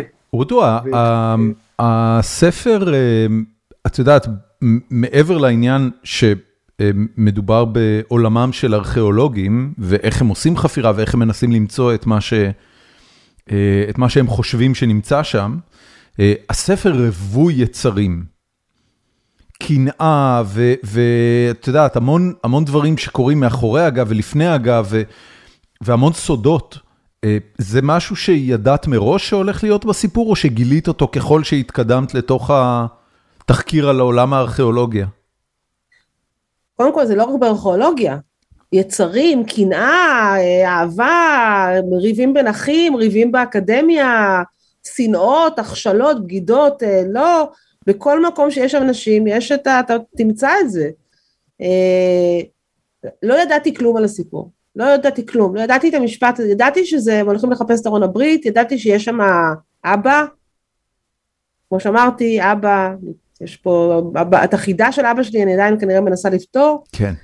אה, יש שם את האחים, את היחסים בין ה... ידעתי שיש שם יחסים, קשרים משפחתיים. לא ידעתי כלום, גם, גם דבר ראשון, גם לא ידעתי מספיק בארכיאולוגיה, ואני אגיד לך יותר, לא ידעתי, לא ידעתי אפילו היסטוריה מספיק טוב. אני חושבת שאני אה, אה, תוצר של אה, מערכת החינוך הישראלית, אני מזכירה לכם, אתם גדלתם פה גם, אנחנו לומדים מההיסטוריה, ואנחנו גם לומדים תנ"ך. מגיל נורא נורא קטן, מגיל כיתה ב', בבית ספר חילוני, אני לא מדברת על דתי, על בית ספר דתיים, שבטח זה אחרת אצלם. אתה לומד את זה כסיפור אגדה, סיפור עם, לא בדיוק ברור, מספרים לך את הסיפורים, לא אומרים לך שזה קרה, גן העדן או אבל וקין, ובאיזשהו שלב, באזור כיתה ד', שמתחילים ללמוד על יציאת מצרים ועל יהושע, גם בלי להגיד לך, זה הופך להיות מסר שזה היסטוריה. ואתה לומד את זה כהיסטוריה, אבל אתה גם לומד היסטוריה. חוץ מזה, אתה לומד גם היסטוריה. אה, וזה נשאר מאוד מעורפל. השאלה הראשונה, שאחר, אחת הראשונות ששאלתי את עצמי זה מה היה היסטוריה, מה בתנ"ך, מה בסיפורים האלה שאני מכירה, מה היסטוריה? מה יודעים שהוא היסטוריה? במובן של היום, של, של היום שאנחנו קוראים להיסטוריה, היום קוראים להיסטוריה. ואז התחלתי ללמוד, באמת שנה וחצי, אני חושבת שיותר משנה. אני למדתי, קראתי ספרים, ראת, ראיתי קורס אה, אינטרנטי של אה, פרופסור פינקלשטיין, שהוא, זה מה שהוא עושה, הוא לוקח את התנ"ך ו- ו- ומשווה אותו לממצאים ארכיאולוגיים ומזה מסיק מסקנות. אה, קראתי הרבה על אנשים שחיפשו את, ה- את הארון לא רק היום אלא גם בעבר הרחוק, קראתי תנ"ך, קראתי, מה לא, באמת קראתי המון המון דברים. ו- ולמדתי ובעיקר ראיינתי אנשים, ראיינתי ארכיאולוגים, ראיינתי אספנים, אפילו התמזל מזלי לראיין אה, שודד, אה, שודד עתיקות אה, פלסטיני, שבדיוק הגיע לבקר את אחד, לעשות עסקים זה, עם אחד זה, האספנים. זה ו... ביזנס מצליח, שוד עתיקות? הוא היה נראה לבוש טוב, לא, לא יודעת. הוא היה נורא חמוד, הוא הסכים לדבר איתי והיה לנו שיחה ממש מרתקת. גם הוא מוכר בעצם, הוא, הוא השטחים, יהודה ושומרון, איך שתקרא להם, זה שם, שם המקור, כן, כן? שם היו הממלכות. נכון. אז אה, שם הממצאים המעניינים. ושם, והוא ואחיו, יש להם, יש להם גם אתר אינטרנט וזה, והם כאילו, אבל הם בעצם שודדים, שודדי, הם בעצם שודדים. הם לא קוראים לעצמם ככה, אבל... ולמי הם מוכרים? הם מוכרים את זה ליהודים. כי מי מתעניין ב... ב, ב בשקרבס האלה? חזקיהו, מי מתעלף מהדברים האלה? יהודים. כן. הוא הראה לי ממצאים, הוא הראה לי באייפון שלו כל מיני דברים, והראה לי מטבע שכתוב עליה בית המקדש אה, בירושלים. הוא אמר לי, כי זה בכתב עברי אה, קדום, קדום שאני בכלל לא יכולה לקרוא, הוא יכול לקרוא, הוא גם יודע מי המלכים החשובים, הלא חשובים, כי זה הכל עניין של ביזנס. ושאלתי אותו, הימים היו ימי אה, אל-אקצא, אחד, אחד, אחד מימי אל-אקצא, כן, מהתקופה הזאת שהיה הסוהרים, עם המהומות באל-אקצא, אה, והנושא הזה, כן, של, של אל-אקצא, ואמרתי לו, איך אתה מיישב את ה... שאלתי אותו, איך אתה מיישב את זה שמבחינה פוליטית הפלסטינים אומרים שלא היה את בית המקדש, והנה יש לך פה, ובצד שני אתה מוכר מטבעות. הוא אמר לי, הוא אמר לי, אה, תראי, זה, אה, היה בית מקדש בירושלים, הנה, כתוב על המטבע, היה מקדש, אבל עכשיו יש שם את אל-אקצא. זו הייתה תשובה שמאוד אהבתי, זו הייתה מאוד פשוטה ומאוד, זה כאילו להגיד, עכשיו יש שם את אל-אקצא. זה שהיה שם את המקדש, who cares? הוא לא אכפת לו מזה. זה לא מבטל את העבר, רק אומר, זה מה שעכשיו, ואהבתי מאוד את, אהבתי מאוד את התשובה, את הכנות של התשובה הזאת, וגם היה בה משהו רענן, שלא לא, לא, לא, לא, לא למחוק את ה... לא למחוק את מה שהיה, מה שעושים הרבה פלסטינים, גם הרבה ארכיאולוגים פלסטינים. לא, לא, לא צריך, לא צריך להכחיש את העבר כדי לקבל את ההווה כפשוטו. כן, בדיוק. ראיתי uh, קליפ uh, uh, מבריק של uh, ישעיהו ליבוביץ', שאני לא זוכר, מישהו הציף לי בפייסבוק, והוא אומר שם הבעיה, הוא, הוא אומר אין, אין לאף אחד זכות על הארץ. זכות על הארץ זה לא דבר קיים. הארץ קיימת, בני אדם קיימים, לאף אחד אין זכות. הוא אומר הבעיה היא שאנחנו בתור יהודים מסתובבים עם תודעה שהארץ הזאת היא שלנו. ומהצד השני יש מיליוני בני אדם אחרים שמסתובבים גם הם עם תודעה שהארץ הזאת היא שלהם, לפחות חלקים ממנה, ו... עד שלא מיישבים את העניין הזה, שהתודעה שלנו החליטה שזה שלנו, אז או, ש, או שאנשים משנים את תודעתם, או שהם נלחמים עד חורמה ואחד מהם שורד, ואז הוא מנצח, במרכאות, אין פתרון ביניים. אתה לא, זה לא, זה, זה בסופו של דבר הבעיה, הבעיה היא תודעה של אנשים ולא זכות כזו או אחרת, כי הוא, הוא אומר, זכות לא קיימת באמת. אני אגיד לך משהו על התודעה הזאתי, אה, שזה אפילו יותר מסובך מזה, וזה לא, מה אני אמרתי, זה אמר לי אחד הארכיאולוגים, ארכיאולוג צעיר אה, בשם אה, יונתן מזרחי, שראיינתי אותו, והוא אמר לי שזה לא, זו תודעה שונה, התודעה שלנו היא מבוססת, התודעה שלנו של הארץ, של הזכות על הארץ, היא תודעה של, של, של מה שנקרא היהודי, של הנווד. כן. הנווד שהוא, הוא, הזהות שלנו כנוודים היא זהות מאוד מאוד עמוקה בתוך הסיפור שלנו, כן? כי יש הרי פינקלשטיין אומר שבכלל היינו פה מבני הארץ במקור. כן. אבל אתה יודע, הסיפור שלנו הוא סיפור של נוודים, שכל הזמן עזבו, וח... עזבו ואז התגעגעו הביתה וחזרו. כמו יציאת מצרים, גלות בבל, אחר כך הגולה. אבל זה אפילו אברהם אבינו היה איזה נווד שהגיע לכאן, הוא האב הקדום שלנו ביותר. נכון. וה, ואנחנו כל הזמן צריכים להצדיק את זה, בגלל שאנחנו עוזבנו, עוזבים, כל הזמן צריכים להצדיק למה עזבנו. אם אנחנו כל כך אוהבים וזה שלנו, למה עזבנו? לפלסטינים, התודעה שלהם היא תודעה של, של, של, איך אומרים, של יליד. זה שלנו, גרנו פה, אבא שלי גר פה, סבא שלי גר פה. אני לא צריך להצדיק שום דבר. כן. אז יש פה בכלל אפילו חוסר הבנה לא שני נרטיבים, חוסר הבנה של, מאוד עמוק בעיניי של, הנרט, של הנרטיבים, הוא בא ממקום, ממקום, כאילו ממקומות אחרים במוח.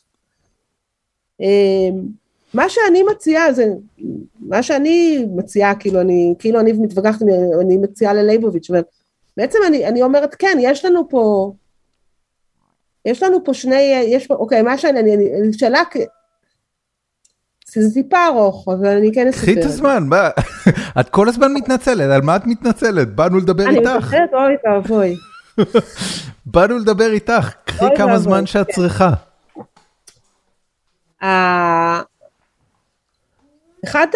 אחד התיאוריות, התיאוריה, האמת זה התיאוריה של פינקלשטיין, של אה, היווצרות העם היהודי מה שנקרא, התחיל מזה שהיו פה שתי ממלכות, וזה כבר בכתובים, זה אפילו בתנ"ך, כן? היו פה שתי ממלכות, ממלכת ישראל וממלכת יהודה, והם היו שתי ממלכות קטנות, שאכלו אחת ליד השנייה, והם גם לפעמים שדיברו שפה דומה, היה להם מנהגים דומים, רק מה, מהקרבה. ולפעמים נלחמו, ולפעמים כבשו אחת את השנייה, ובלו חלקים אחת של השנייה, אבל הם היו שתי ממלכות, שתי הממלכות האלה, ומעל כולם היה, היה אימפריה, כל פעם אימפריה אחרת. כן. אולי זו הבעיה המרכזית הזאת, הבעיה הזאת היא שאנחנו גיאוגרפית, אנחנו באיזשהו נקודת חיבור בין יבשות שכולם רצו, תמיד כולם רצו, וכל פעם, כל פעם בא איזה בבל, אשור, יוון, מצרים, וכבשו את זה. אז הם אבל אז תמיד מין ממלכות חסות כאלה. ואז היה משהו שאנחנו יודעים שהוא מאורע היסטורי, וזה המרד, המרד הגדול שאחאב אה, הצטרף לקואליציה של, אה, של ישראל, וזה מופיע, אני קוראת לזה היסטורי, בגלל שזה מופיע לא רק בתנ"ך, אלא גם מופיע בכתובים אחרים מאותה תקופה. היה קואליציה בניסיון להשתחרר מאשור, מהאימפריה. והניסיון הזה למרוד של ישראל, למרוד באשור, הסתיים באסון נוראי, כמובן, כמו של מדינה, תמיד היו פה את המשוגעים האלה, כן, שרצו עצמאות, הסתיים באסון. ממלכת ישראל נחרבה. חורבן בית, כן. מה שאנחנו קוראים השבטים, בוא, זה כבר כן, זה כבר לא היסטוריה, השבטים הוגלו. כן. מה שהארכיאולוגיה מספרת, ובזה אני, אני נצמדת לסיפור של פינקלשטיין פה, סליחה, פרופסור פינקלשטיין, אני מרגישה עליו נורא קרובה, כי אני כל הזמן קראתי אותו וראיתי אותו, ש, שבעצם אה, המון פליטים רואים שיהודה באותה תקופה יותר ממכפילה את אה, האוכלוסייה שלה, כאילו ממש נהיית פתאום, נהיית שם, זה אפשר לראות בארכיאולוגיה, שיש שם פתאום צפיפות אוכלוסין אחרת לגמרי, זאת אומרת שהמון פליטים הגיעו מישראל ונכנסו ליהודה. יהודה לא התערבה, אז עזבו אותה בשקט. ומה ש... ועכשיו, הדבר הזה יצר, יצר חוסר איזון בשביל הממשלה, בשביל השלטון, בגלל שפתאום יש המון אנשים שהם מעם אחר וצריכים שהם יקבלו את ה... יקבלו את ה... את ה... את ה... כן, את, ה, את השלטון, ולא יערערו מבחינה פוליטית, ויש פה שני עמים, ויש פה שני עמים עם סיפורים שונים. וזה אנחנו רואים בתנ"ך. כן. סיפורים, יש סיפורים, אה, אה, יש סיפורים שונים לאותם, אה, זה כמובן, כמו כל שתי ממלכות שונות, כמו פלסטינים וישראלים. האם ערפאת היה גיבור, או האם הוא היה פושע? תלוי בנרטיב. ולקחו, אומר, אומר פינקלשטיין, לקחו, ה, לקחו הכהנים את, ה, את כל הסיפורים ביחד וחיברו אותם בספר אחד. עכשיו כיוון שזה היה בזמן אמת אי אפשר היה להחריב את הסיפורים של, ה, של, ה, של, ישראל, של הישראלים של ה, ולא, ולהשאיר רק את הצד של היהודאים כי הם לא היו מקבלים את זה. כן. הם יודעים ששאול היה כליל המעלות ושדוד היה בנדיט אה, פושע משתף פעולה טרוריסט. הם לא יוותרו על הסיפורים שלהם, או על סיפור הבריאה שלהם, או על הסיפור שהם ניצחו, שהגיבור שלהם ניצח את גוליית. אז מכניס, הכניסו את הכל, תפרו את זה בתפרים די גסים, וחיברו את זה לסיפור אחד. מה קרה מזה? קרה מזה דבר מדהים. ואגב, רואים את זה שאחר כך בדברי הימים אה, מחביאים את הסיפור, פתאום מנסים למחוק את הסיפור של בת שבע, והופכים את דוד למין מושלם כזה. לא עבד. הסיפור תפס כבר. סיפור שבת שבע היה עסיסי מדי בשביל לזרוק אותו, הוא יותר מדי מעניין לספר אותו בלילות הקרים של אה, בהרי ירושלים. מה אנחנו רואים שקרה? קרה דבר מדהים, יצרת רב מכר, שאי אפשר לערער עליו, ושלושת אלפים שנה אחרי זה בערך, אנשים מוכנים למות, להרוג ולרצוח בשביל הסיפור הזה, בשביל הסיפור המשותף הזה, הסיפור הזה שנורא קל למצוא בחורים, אבל הוא כל כך מספק מבחינה ספרותית, הוא כל כך משכנע, כי הוא משכנע בגלל שדוד, דווקא בגלל שדוד הוא גם, הוא גם יודע לנגן נורא יפה ולשיר ולהמציא שירים פואטיים ולכתוב שירים פואטיים, וגם יודע לעשות עסקאות נכלוליות עם, הפוש... עם האויבים הכי גדולים של, ה... של העם בשביל להשיג את מה שהוא רוצה. שהוא רוצה, מה שהוא רוצה, אפילו לא מה שהעם שלו צריך. וזה משכנע, אנחנו מכירים את זה, אנחנו מכירים את זה במנהיגים שלנו, אנחנו מכירים את זה בעצמנו, כאילו בתוכנו. כן. והסיפור נהיה, לא צריך לספר לכם מה, לא לספר מה נהיה התנ"ך, וזה מה שאני אומרת, שנייה, זה אמרתי שזה יהיה ארוך? לא, לא, זה בסדר. זה מה שאני אומרת, אני אומרת, אוקיי, יש לנו עכשיו שני נרטיבים שלא מצליחים להתחבר, בשום פנים ואופן לא מצליחים להתחבר. רק נלחמים מי הנרטיב הנכון, וכל אחד רוצה להשמיד, להשמיד את הנרטיב של השני. או את השני או את הנרטיב שלו לפחות. לא מוכנים לקבל שום ראייה קצת מהצד. אבל האם, אבל אולי אנחנו יכולים לדמיין שעוד שלושת אלפים שנה יקרה משהו, יהיה איזה אסון, או יקרה משהו, או יהיה איזה תהליכים, או מי יודע מה, אנחנו לא יכולים לדעת, ההיסטוריה, כן, ההיסטוריה של, ה, של העתיד, והסיפורים האלה התחברו פתאום, בדרך מוזרה, או הרסנית, או שאתה יודע מה, לסיפור אחד, שאנשים יהיו מוכנים למות עליו באותה מידה. אפשר לדמיין את זה עם קצת כוח דמיון, אפשר לדמיין את זה, ואם אפשר לדמיין את זה, אז למה אי אפשר לדמיין את זה לפני שקורה האסון? למה אי אפשר לדמיין את זה לפני שאנחנו... כי האסון הוא האסון הוא הכור שבו הסיפורים האלה מתמזגים. לא סתם אמרת קודם, היה חורבן בית שהוביל להיתוך של הסיפור, של הנרטיב הקודם. אבל, אבל רגע, אני רוצה, אני רוצה לשאול אותך על זה משהו. כי, כי את נותנת פה משהו מאוד מאוד עמוק על, על ה-origin story של העם היושב בציון. שאת בעצם, דיברנו קודם, שאני מאמינה לא, לא, לא, זה מצוין, כן, כן, כן. והסיפור הזה, את יודעת, גדלת בבית שללא ספק היה ציוני לעילה ולעילה. אנשים משכילים שהגיעו ממדינות אירופה כדי להקים מדינה אה, צעירה, להיות חוקרים, להיות הטובים ביותר בעולם בתחומם, אה, או לכל הפחות בארץ. אה, ויש בזה הסללה מאוד ברורה לאיזשהו... לאיזשהו נרטיב, קודם כל ברמה האישית הביוגרפית שלך. התודעה של הסיפור הזה ושל איך, איך התהווה הסיפור היהודי של העם היהודי, אה, זה משהו שהיה לך לפני שהתחלת לעבוד על מנהרות? ממש. או, זאת אומרת, זה, זה תהליך של השנים האחרונות בעקבות העבודה על מנהרות, שקראת את פינקלשטיין ופתאום התחיל לרדת לך האסימון על איך נוצר כל המבנה הזה שהוביל לציונות, לעם היושב, העם החוזר ל... ואז השאלה שלי היא כזו, כמה זה עושה אותך צינית לגבי כל מה שקורה סביבנו ולגבי כל מה שקורה בארץ? ישראל עכשיו עוברת אה, גל של, אה, של אה, שוב, טרור פלסטיני, יותר אזרחי ישראלי מאשר, מאשר פלסטיני, רשות פלסטיני או, או, או עזתי. זה זה, זה מה, זה זה, זה נראה לך כמו טירוף? זה נראה לך כמו אבסורד? מה מה זה עושה לחיים בארץ?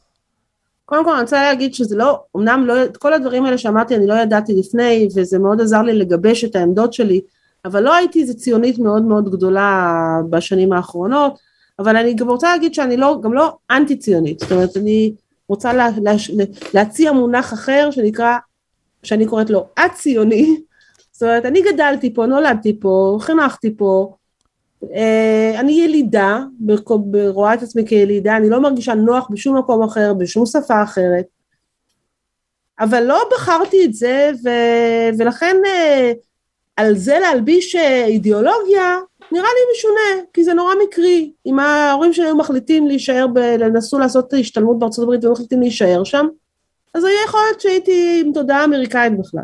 אבל בחרת בבגרות שלך להמשיך לחיות בארץ, ללמד בארץ, כן, לעשות כן, קומיקס בעברית. מאוד מחוברת לישראל, מאוד מאוד אז- מחוברת אז- לישראל, להיסטוריה, ליהדות אפילו, לא במובן הדתי, אבל תרבותית, מאוד כן, מחוברת. יהדות עמוק תרבותית. מאוד. לא, לא היה לי אף פעם איזושהי מחשבה רצינית לחיות במקום אחר לתקופה ארוכה, כן. או לתמיד, כן? תקופות כן, אבל לא... אמ, וואי, שכחתי כבר את החלק, ה- תזכיר לי מה אמרת, כי שכחתי בנאום האחרונים שלי פה. שאלתי, בעצם רציתי לי... אה, אם זה עושה אותי, אז קודם כל כן. אני רוצה להגיד שצינית בטח שלא. הציניות היא, היא לא, זאת, לא שיש, יש לי, אולי שהייתי צעירה יותר, הייתי, יש לי יכולת להיות צינית ואני אני לא מחבבת את הציניות. אירוני זה משהו אחר לגמרי בעיניי מציניות, או אירוני, אבסורדי, כן. אני בהחלט סיגלתי לעצמי את ה... גם מתוך אה, הישרדות, כן? איך אפשר לשרוד פה? כן. אחרת. אבל גם אני חושבת שזה קשור אפילו באיזשהו אופן לקומיקס, לציור של, לעשות קומיקס. אה, אז כן, ראייה מהצד, אה, זה מאמץ אגב, זה לא, זה לא קל. זה ממש להסתכל, כיוון שאני, יש לי פה כל מיני דמויות, בייחוד במנהרות, ממש קיבצתי לזה את כל ה... כל מיני דמויות, פלסטינים ומתנחלים ודתיים, אנשים שהם נורא רחוקים ממני, וזה, אולי הספר הזה לקח לי כל כך הרבה זמן לכתוב אותו, בגלל שפעם ראשונה כתבתי על אנשים שהם ממש לא אני. לא אשכנזים, לא יהודים, לא ישראלים. וקיבצתי אותם לתוך הספר בשביל להגיד משהו, בשביל להראות משהו. ויש פה סכנה, כי אני כן רציתי לעשות ספר מצחיק, וכן רציתי להראות את האבסורד, אבל לא רציתי ללעוג לאף אחד. להפך, רציתי להבין אותם, רציתי להבין את כולם. רציתי להבין, אחד נגיד השיחות שעשיתי בראיונות, הלכתי, אחד הראיונות הראשונים שעשיתי, הלכתי לראיין אה, אה, בן זוג של, של חברה שלי שהוא אה, חזר בתשובה ונהיה חרדי. היא חילונית לגמרי והוא נהיה, הוא חזר בתשובה, הוא, והוא חרדי ממש ממש, ממש, זאת אומרת הוא אה, אה, מאמין שהתורה ניתנה לישראל, תכל'ס ניתנה למשה מאלוהים ומשה כתב את התורה כולל העתיד, כן? מאוד, ומצד שני הוא רופא במקצוע. אמרתי אוקיי, רופא? מדען. עוד- הוא רופא, הוא רופא... אה, ו- והלכתי לדבר איתו בגלל שאמרתי אני לא רוצה, זאת אומרת קל לי להגיד שכל הדתיים, שמי שמאמין שאלוהים הכתיב למשה את התורה, הוא דביל. מה זה? זה כמו מחשבה של ילד בן שלוש, מבחינתי, כן? בתור אתאיסטית, בתור אה, חילונית. אבל הוא לא, אני מכירה את הבן אדם הזה, הוא בן אדם מאוד אינטליגנטי. הכרתי אותו גם לפני שהוא, חז... שהוא חזר בתשובה, בן אדם מאוד אינטליגנטי. אז מה קורה שם? הוא, הוא סיפר לי, לא, אני הקשבתי לו, איך הוא רואה את הדברים, בלי להתווכח איתו, בלי לשפוט אותו ובלי להתווכח איתו, אלא איך הוא רואה את זה, איך הוא חווה את זה. זה מעניין. כדי שאני אוכל אחר כך לכתוב בן אדם כזה, ואני יכולה... לכ- לכתוב אותו באמפתיה, לכתוב אותו ככה שיהיה דמות אהובה ועגולה כן. ולא גרוטסקית. כן, גם לאו דווקא אהובה, אבל דמות, כן, בן אדם. כן. שהוא יהיה בן אדם, ולא איזה קריקטורה. אה, שאני אומרת, כן, אלה הדבילים ואנחנו החכמים. זה, זה לא, עכשיו אני רוצה להגיד, אני לא איזה קדושה. במציאות, בחיי היום שלי, אני יכולה לחשוב שכל מי שלא חושב כמוני הוא דביל ואני החכמה היחידה בחדר. אבל כשאני כותבת אני מנסה להיות קצת יותר כנה. כן. עם עצמי. ועם ה... ואני מנסה, לה... אני באמת מנסה להבין. זה חמוד, you, you know better, את פשוט יודעת שזה לא, זה לא מוציא אומנות טובה. לזלזל בדמויות שאתה מייצר, לזלזל ב... אמ, לזלזל ב, באישיות של מי שאת כותבת. אה, ומציירת. לא, לא, כן, ומציירת, לא עושה אותה אמינה. לא עושה אותה עגולה, לא עושה אותה מעניינת, לא עושה אותה אהובה על הקוראים, כאילו זה, זה עניין של מקצועיות, אני מניח. זה עניין של מקצועיות, וזה עניין של, שאני גם לא רוצה, אני לא, אין לי שורה תחתונה, אין לי איזה מסר שאני רוצה להעביר על המצב הפוליטי בארץ, וזה תמיד שואלים אותי, גם בחו"ל, בעיקר בחו"ל, שהם כאילו כמהים לזה, או, הנה בא מישהו מישראל והוא הסביר לנו מה, וייתן לנו את התשובות לשאלות, לתסבוכת הזאת, כי אנחנו לא יודעים מה לחשוב. ואני אומרת, לא, אין לי, אין לי תשובה, אין לי, אין לי תשובות, גם לי אין לי תשובות אפילו לעצמי. וככל שאני מתבגרת יש לי פחות תשובות ופחות תשובות חד משמעיות, וסיגלתי לי גם את ה... זאת אומרת, סיגלתי לי את, ה, את היכולת הזאתי לקבל את מה שהבן אדם אומר, בלי שזה ישנה אותי בהכרח, זה לא ישנה אותי, לא, לא לשנות את הדעות שלי, אלא לשנות את ה... אה, כן, אני, אני זה אני, אני באה עם מעשי אמונות שלי והערכים שלי, אה, ואני, אבל, אבל אני יכולה לפנות מקום, אני יכולה לפנות לזה מקום, וגם להסתכל על זה קצת מהצד ולראות את זה אחרת, אני אספר לך איזשהו סיפור, אה, עוד סיפור, שגם היה במהלך התחקיר. ראיתי הרבה סרטונים על, על פלס, התקלויות של, של צבא ופלסטינים וצבא ומתנחלים, ראיתי על זה הרבה סרטונים באינטרנט, לא הלכתי לראות א', כי אני לא מחפשת צרות, וגם... אה, מתכוונת לא הלכת לראות בשטח. לא, כן, וגם אתה תלך בשטח, מה, תעמוד שם ותחכה שיקרה משהו? הסתכלתי בה, יש המון המון... אה, וראיתי סרטון של אה, בור מים בשטחים, שהיה פלסטינים, איכרים פלסטינים היו משתמשים בו להשקיה, ומתנחלים השתלטו על הבור הזה ובא והסרטון היה אה, של אה, איזה קבוצה כמו אה, כן איזה קבוצה אקטיביסטית שמאלנית שבאה להילחם בה לסלק את המתנחלים ולהחזיר אותו בעצם לפלסטינים. הסצנה היא כזאתי יש את האקטיביסטים השמאלנים, יש את המתנחלים זה מין נערי גבעות כאלה, בחורים מאוד צעירים, אבל קצת נחנחים, כן. מדהים, לא שאתם מדמיינים. כן, כן, לא, לא, לא מדובר שם בגברתנים. יש גם אחרים, יש גם קאובויים, אבל הם ממש היו מין איזה נחנחים כאלה, כמו שרואים בארץ נהדרת. והשמאלנים, גם אני אגיד, בוא, לשם השוואה נגיד, גם כמו שרואים בארץ נהדרת, מי שנלחם זה היה איזה בחור שנראה לי בן 19 נגיד, אה, עם כזה פאות וכל הגאדג'ט, ואישה בערך בגילי, זאת אומרת אה, שנות החמישים כזאת, אה, בריאת גוף אבל בכל זאת אישה אה, מבגרת, והם הלכו מכות, אבל הם הלכו מכות כמו שהולך מכות, משהו כזה, כן, כאילו באמת, כמו שאתם מדברים. אני עושה, אני עושה את התנועות עם הידיים ש... הם הולכים את המכות, מסביבם כל אחד, החיילים שלהם, כאילו, הזה שלהם עומדים לידם, הם כאילו דוחפים אחד שלי מעל הבור, בצד יושב פלסטיני עם מכלית של מים, ומתפוצץ מצחוק. כן. מת מצחוק ובאמת זה באמת מצחיק היה. וזה אתה לא תראה בחדשות. כן. אבל יש את זה באינטרנט ויש את זה ואמרתי זה הדבר. כאילו זה, זה הדבר, זה כאילו תמצית, הדבר הזה... תמצית הגיחוך את אומרת, זה, זה, זה הדבר. שני... זה יכול שני... להיות גם מצחיק. כן. זה יכול להיות גם מצחיק, כי לא תמיד, לא, לא מההתחלה הייתי בטוחה שזה יכול להיות מצחיק. זה, זה, זה, להיות... זה לא מצחיק בשנייה שאת יודעת, שאבן, דם, כלי נשק, סכ... וזה, והאסקלציה היא נורא מהירה. מהבחינה הזאת באמת ישראל בחלק מאוד גדול מהאזורים שלה היא סוג של מערב פרוע, האסקלציה מסתם אה, דחיפות אה, דביליות של ילדים לסכינים, אבנים ורובים, היא אסקלציה נורא מהירה, היא, היא בשניות ממש. נכון. ושם זה נכון. מפסיק להיות מצחיק, זה, זה מתחיל להיות איום ונורא.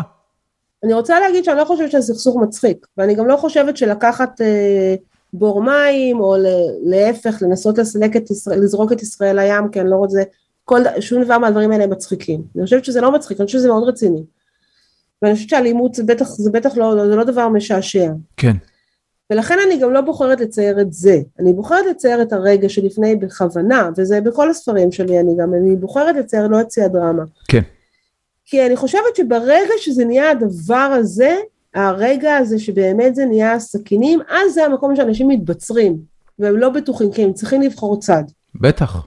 אז ברגע הזה שבא מישהו, ואתה יכול להיות הכי שלום, שלום אקטיבי, בא מישהו עם אבן, בא מישהו וזורק לך אבן על הראש, או על הילד שלך, חס וחלילה, משהו כזה, זה נגמר. כן. אתה לא זה הרגע שבאמת גם מותר לך להגיד, אני לא, לא, אני, די, אני כבר לא במצב, לא רוצה להקשיב.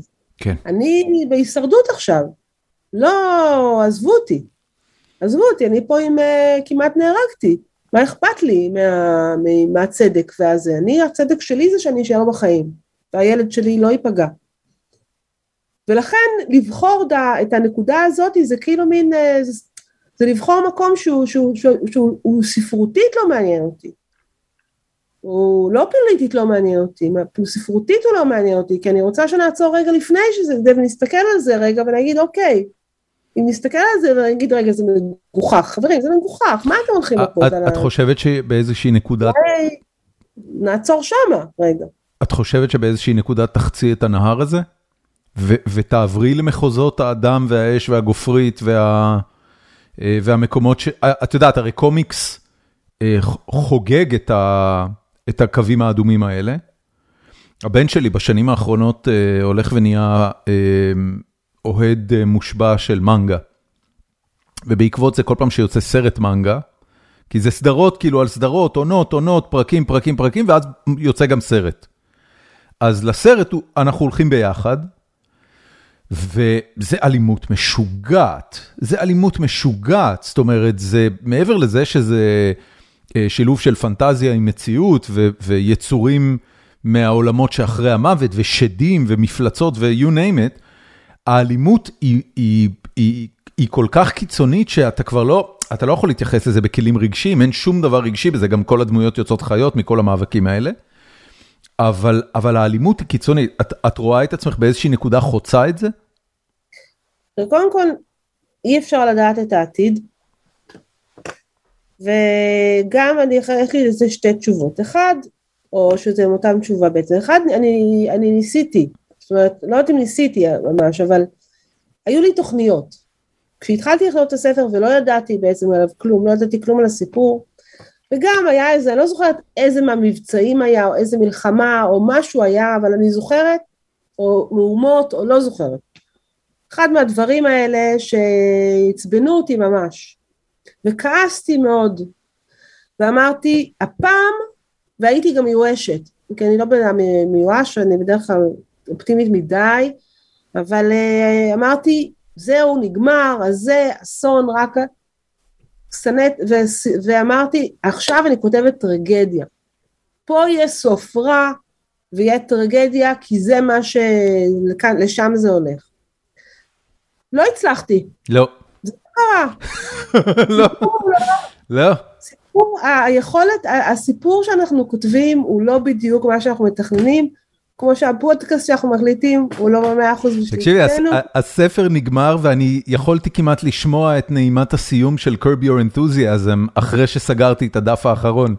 ממש כאילו זה כזה טה טה טה טה טה טה טה, כאילו אמרתי אוקיי. בוא אני אגיד לך אבל על זה משהו, כי אני חושבת שיש שם עוד משהו.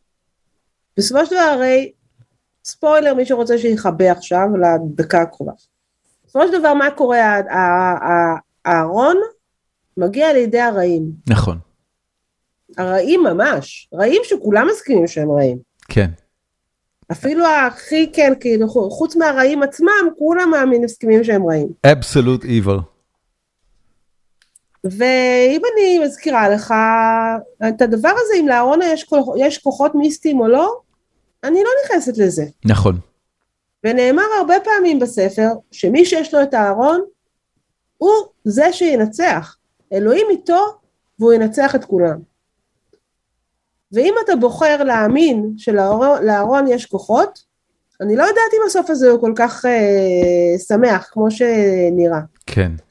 וכל השיחה שלהם בסוף, שכולם כזה, כן, בוא נמשיך את הלאה אתכם. נעמד באיזשהו סימן שאלה, לאן? לאן זה יגיע? מה הולך לקרות? נכון. ידעת שזה הולך לשם כשכתבת? לא, לא היה לי מושג. שאלת הסרטאית לא עכשיו. לא היה לי מושג. לא, לא היה לי מושג. זאת אומרת, עד, עד איזה שלב כשהתחלת לכתוב את זה, אמרת, אני יודעת מה ההתחלה והסוף של הסיפור שאני הולכת לספר? זה לקח המון זמן. מה זה, המון זמן? תני לי, כאילו, אה, אה, אני, תוך כדי שאנחנו משוחחים, וגם הייתה לי שיחה עם אה, בועז לביא על The Divine לפני כמה שבועות, לא הייתי מודע בכלל לכמה זמן לוקח לעשות רומן גרפי.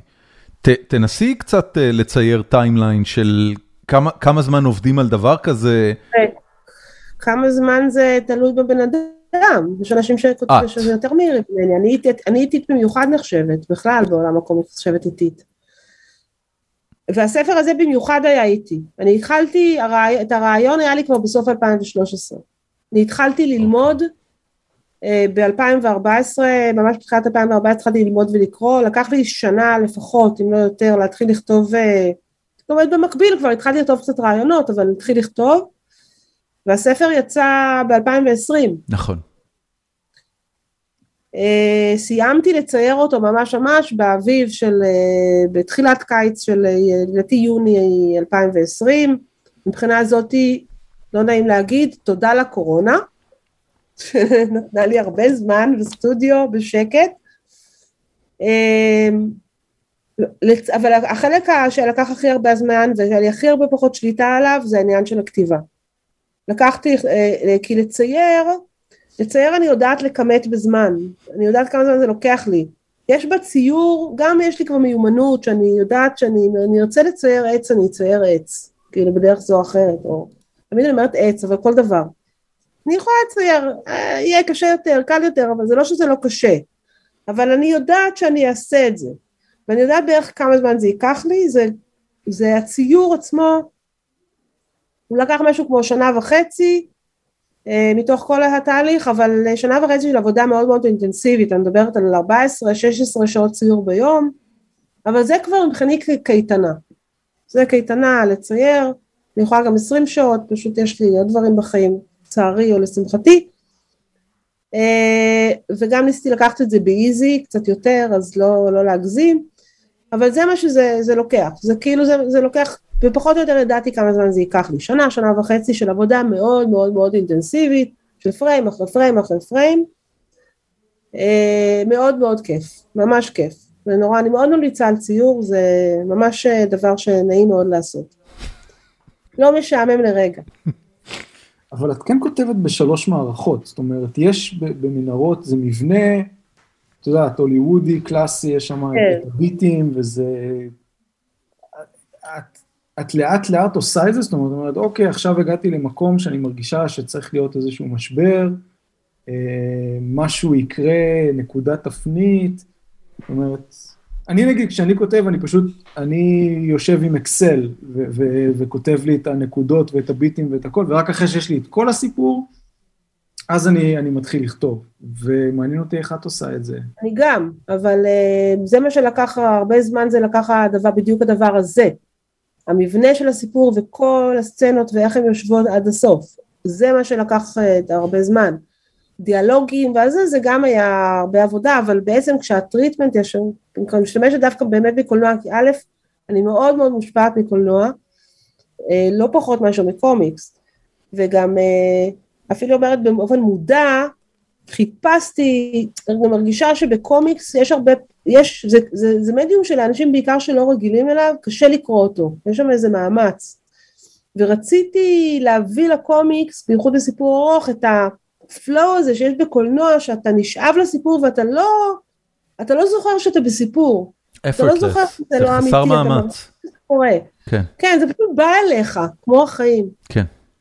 ובקומיקס בגלל שזה ציורים, בגלל שזה בכל זאת הפריימים, זה, זה יותר מאמץ, מתנפלים, מתנפל לך המון אינפורמציה. ככה הרבה, הרגשה של הרבה אנשים וקצת שקשה להניע. אז ניסיתי כן ממש באופן מודע, כשעשיתי את הרומן הראשון, כי עד אז כתבתי רק סיפורים קצרים, שזה משהו אחר מבחינה ספרותית, אה, ניסיתי להביא, לק... ל... ל... ל... ממש קראתי כזה גם ספרים על איך לכתוב תסריט, אתה יודע, איך, איך לכתוב תסריט טוב, יש מלא כל מיני uh, מבנים כאלה, איפה אתה שם, איפה קורה משהו, איפה זה, איפה יש, איפה משתנה, איפה הסצנה. מאוד uh, השתדלתי להתייחס לזה, אבל לשים על זה את הסיפור שלי. Mm-hmm. אני חושבת שעם הניסיון של הכתיבה, יש, ושל להיות מספר סיפורים, אז, אז זה מתחיל להיות משהו שגם... Uh, אתה, מר, את, אתה בטח מכיר את זה, אתה מרגיש את זה בגוף, אתה מרגיש שהגיע הזמן שיקרה משהו, אתה מרגיש שזה קצת מתחיל כזה להיות יותר מדי, או שצריך לקרות משהו מעניין, או שמשהו צריך איזה, שפתאום אתה מבין את המשמעות של להכניס לתוך סצנה דברים שמנוגדים אחד לשני, אז כבר אתה באופן טבעי מכניס את ה... מכניס את זה לא, לא כשיטה, אלא כבאמת של, כמו שאנחנו מספרים, כמו שכל סיפור שאתה מספר, אתה משתדל שהוא יהיה מעניין ושישמור איתך את הקורא כל הזמן, או את, או את השומע. מבחינה הזאת, כן, אני לא מחדשת שבדיחה זה לא שונה מבחינת משהו. אתה צריך לנהל את הזמן שלך ולנהל את העניין של ה... לנהל את העניין של הבן אדם שאתה רוצה שבסביבה ישים, ישים 70 אה, שקל ויקנה את המוצר שלך. כן. אה, ואתה צריך לתת לו משהו, זה מנומס. זה מנומס במינימום לעניין אותו. אני חושבת שזה חובתנו, באמת, אני רואה את זה כמשימה שלי, אני חושבת שזה חובתי. אני באה בא לחפור למישהו על ארכיאולוגיה ועל ציונות ועל יחסים באקדמיה, כל מיני דברים שמעניינים אותי, יחסים שלי עם אבא שלי וכל מיני שטויות שאותו מעניינות, ואני צריכה לתת משהו בתמורה, אז אני צריכה לספר את זה בצורה שתעניין, שתעניין את ה... תעניין זה, אנשים. זה, זה נהדר וזה נורא נכון, וזה... אני יכול להגיד לך, זו גישה מאוד אה, אה, אמריקאית. במובן השירותי הזה, שגם הבמאים הגדולים ביותר, אני כאילו העניין אצלי הוא קולנוע, וגם הבמאים הגדולים ביותר מבינים שבסוף זה show business. צריך שיהיה פה show. זאת אומרת, האנשים באים ומשלמים את הכסף, את הכרטיס, את הסרט, קונים אותו, מנוי סטרימינג, לא משנה, קונים ספר, קודם כל בשביל ה show, ואז תוך כדי אתה גם יכול להגיד כל מיני דברים מעניינים. אבל אתה לא יכול לוותר על ה show, אתה לא יכול לבוא ולהגיד את הדברים המעניינים בלי זה, כי אחרת אף אחד לא מקשיב. נכון, אבל זה מאוד חשוב מה שאמרת בסוף. כי אם אתה עושה את זה רק בשביל השואו, זה לא שווה את המאמץ. נכון. כי נכון. זה המון המון מאמץ, זה מלא שנים. זה, באמת משהו שרציתי לשאול אותך, את יודעת, יש, את הממד ש... הראשון זה, אתה רוצה להישאר אתה גם, אתה לא רוצה שיאהבו אותך, או שיתעניינו בך בגלל שאתה מעמיד פנים, אפשר. אתה מעמיד פנים שאתה נסיך אה, ניגריה, ואז אה, מתעניינים בך. כן, נוכל הטינדר. דבילים. אבל, אה, אבל אתה לא רוצה, אתה רוצה שיאהבו אותך בגלל מה שאתה, ושיתעניינו במה שאתה רוצה להגיד. אגב, נוכלים אמיתיים יגידו לך שהם עושים בדיוק את אותו דבר, זאת אומרת, אותו נוכל טינדר, אומר, תקשיבו, מה אתם רוצים? אני עשיתי לה גוד טיים, היא נתנה לי כסף, מה, מה, מה, מה הסיפור שלכם פה? אבל לא משנה, רגע, אני רוצה לשאול אותך אבל משהו אחר. יש לי תשובה על זה, אבל תשאל אותי משהו אחר.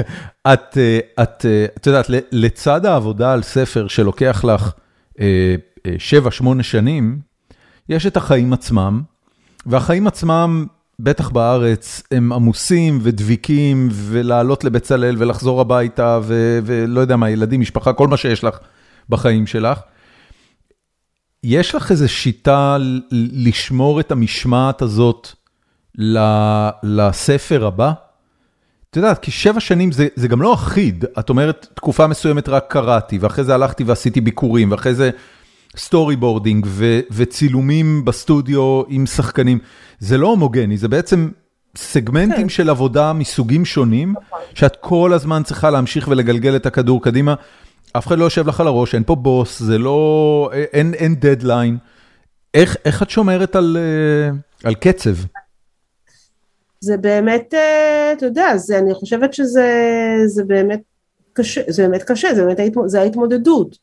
שבגלל זה זה צריך לעניין אותי. כי אם זה לא מעניין אותי, אני לא אחזיק מעמד. זה חייב לעניין אותי באופן אישי לעשות את זה, ושאני אעשה את זה בצורה, אצייר את זה ואכתוב את זה, ותעסק בנושאים שמעניינים אותי, כי כי אחרת, אני, כי אחרת אני, אני לא אוכל לעמוד בזה, כי זה המון המון עבודה. אה, ועם הרבה התלבטויות, כן, וזה, אני, זה שווה משהו, זה לא שווה, זה משעמם. אבל אה, יש לי כמה דברים, קודם כל, אני באמת מחלקת את זה לסגמנטים בגלל זה, ולא חושבת על השלב הבא בכלל. כשאני כותבת, לא חושבת איך, שזה, איך אני אצייר את זה. אני גם כותבת, אני אומרת, איך אני אצייר את זה? לא חושבת על זה. כי אם אני אחשוב על זה, אולי זה יפריע לי בכתיבה. ואחר כך כשאני מציירת את זה, או שאני, מצ... שאני, או שאני נגיד שאני מציירת את זה, אני לא חושבת איך אני אצבע את זה אפילו. אני משאירה את זה לאז, אני אתמודד עם זה אז. כל פעם אני לוקחת את זה בקטעים של זה ומתמודדת איתם, עם ההר הזה, אה, ואני שוטרת מאוד טובה לעצמי, אני מאוד, אה, מאוד יודעת להטיל, להטיל, להטיל על עצמי משמעת, אני מדמיינת דדליין, אה, שהוא לא קיים, כי באמת, אני יכולה לא לעשות יותר ספרים בחיים שלי, זה לא יזיז לאף אחד. לא באמת יזיז. אני רוצה להגיד שיש אנשים שהצטערו על, לחשוב שיש אנשים שהצטערו על זה, אבל תכלס זה לא ישפיע עליהם הרבה על החיים. אז, אה, אז אני מייצרת לעצמי איזה דדליין שאני אה, מאוד מאמינה בו, למרות שהוא פיקטיבי לחלוטין, ולמרות שאני שוברת אותו פעם אחר פעם בלית ברירה, אבל, אה, אבל כל פעם אני יוצרת לי דדליין אחר ואני מאוד נלחצת מהדדליין. אוקיי. Okay. אבל הוא גם בראש שלי. אבל גם, חוץ מזה, את מתקשרת אותו למישהו? אני מתקשרת לעשות את זה. לא, לא, זה לא... אף אחד לא יודע את הדדליינים האלה, זאת אומרת, לא, את לא אומרת לבן זוגך, אה, אתה יודע, קבעתי לעצמי את הדדליין לזה ולזה, אתה יודע שיש לי דדליין, אני צריכה שהיום אתה תעזור לי עם זה, יש כזה? הבן זוג שלי אחרי כל כך הרבה שנים, אנחנו 30 שנה ביחד, אני רוצה להגיד לך שכבר, א', זה הדבר האחרון שמעניין אותו, כי הוא כבר לא, בבחינה הזאת, להגיד לו את זה, זה סכנה, כי אם אני אגיד לו, תשמע, מאי, זה נגמר. ואני חוזרת, כי הוא, הוא, הוא כבר מכיר, הוא כבר מכיר, הוא מאוד, מאוד סבלני, אבל הוא מכיר את זה, אני זוכרת שהוא אמר לי פעם, כי אנחנו מאוד, אני מאוד משתדלת, אני כן משתדלת להיות, uh, כשאני נמצאת, uh, להיות גם בבית, משתדלת בכת, כמה שאני יכולה. ואז פעם אחת הוא אמר לי, אני חושב, אני יודע שאת מעמידה, שאת חושבת שאת פה, אבל אני יודע שאת לא פה, את לא פה, את כותבת עכשיו, רק את עושה תנועות של... סלט. את כאילו איתנו בארוחת ערב, אבל את עובדת בעצם, מי את עובדת? אז גם להגיד, אה, וגם אם אני אגיד לו מאי, ואז זה לא יהיה מאי, אם אני לא אספיק, אז מה, אני אגיד לו עכשיו, לא נכנסת לעניין. זה משפט נורא רומנטי. מה? המשפט הזה, של, של להגיד אני יודע שאת עובדת, זה משפט נורא רומנטי, יש בו אמפתיה עצומה, יש בו היכרות נורא עמוקה איתך, והוא נשמע מאוד אוהב. מאוד אמפתי, וגם יש בו קצת מרירות. נכון, נכון. בכל זאת, מדובר בפולנים. לא, לא. לא הוא. מדובר פה בבן אדם שמאוד, אה, שנותן לי באמת, אה, מה זה נותן לי? זה לא נותן לי, זה כאילו, זה החיים שלנו. כן? כן. הוא יש לו את העבודה שלו, ויש לו, הוא, הוא ככה, ככה אני. הוא מקבל את זה. אה, זה לא אומר שזה תמיד פשוט, כן? זה... כאילו להיות עם, ה, עם הגברת הנעלמת, כן? ש... אמ, את, אה, את עושה מאמץ מודע אחרי ארוחת ערב כזאת שבה את לא נמצאת, ונניח ספר יוצא, או עוברים חודשים, או סגרת שלב בפיתוח, אה, את, את עושה מאמץ לחזור למשפחה ולהיות נוכחת לפרק זמן מסוים, רק כדי ש, שירגישו כן. אותך? אני, אני, אני חושבת שאני עושה מאמץ. אני אשאל אותו. בדיוק, אבל תשאל אותו. זה לפרק איתו. אני חושבת שאני עושה מאמץ, אני, יש, תראה, יש, אני גם עכשיו, הבת שלי כבר עזבה את הבית, ויש עכשיו שני בנים, את הבן זוג שלי והבן שלי, שהוא בן 19. אה, אני לא רוצה להעליב אתכם, אבל בנים, יותר קלים לתפעול ברמה, מבחינה הזאת שאפשר להעמיד סיר קציצות נגיד, זה פותר חצי מהבעיות. 60 אחוז. אוקיי, לא רציתי לזה, לא, לא, לא, כן, 100 אחוז. חלק גדול מהבעיה. כן. זה שיש נגיד סיר ענק עם קציצות ממש טעימות, אני יודעת שזה נותן לי עכשיו, עכשיו אני יכולה, כן, אני יכולה... יש קציצות, אתה רעב? יש קציצות. כן. אז, אז יש כאילו את, ה, את השיטות, מה שנקרא, לתשומת לב או לזה, אבל, אבל כן, יש תקופות, אה, יש תקופות ש, שאני יותר שקועה, ולמזלי גם לעופר יש, יש לו את הדברים שלו, כן, אנחנו, זה הח, החיים שלנו, ההסכמה שלנו על החיים, שהעבודה שלנו היא דבר מרכזי בחיים שלנו, היא הסכמה משותפת מגיל מאוד צעיר. מה הוא עושה? עופר הוא חוקר, הוא חוקר, הוא מדען, הוא עובד, הוא פרופסור בבר אילן. באיזה תחום? בתחום של UX.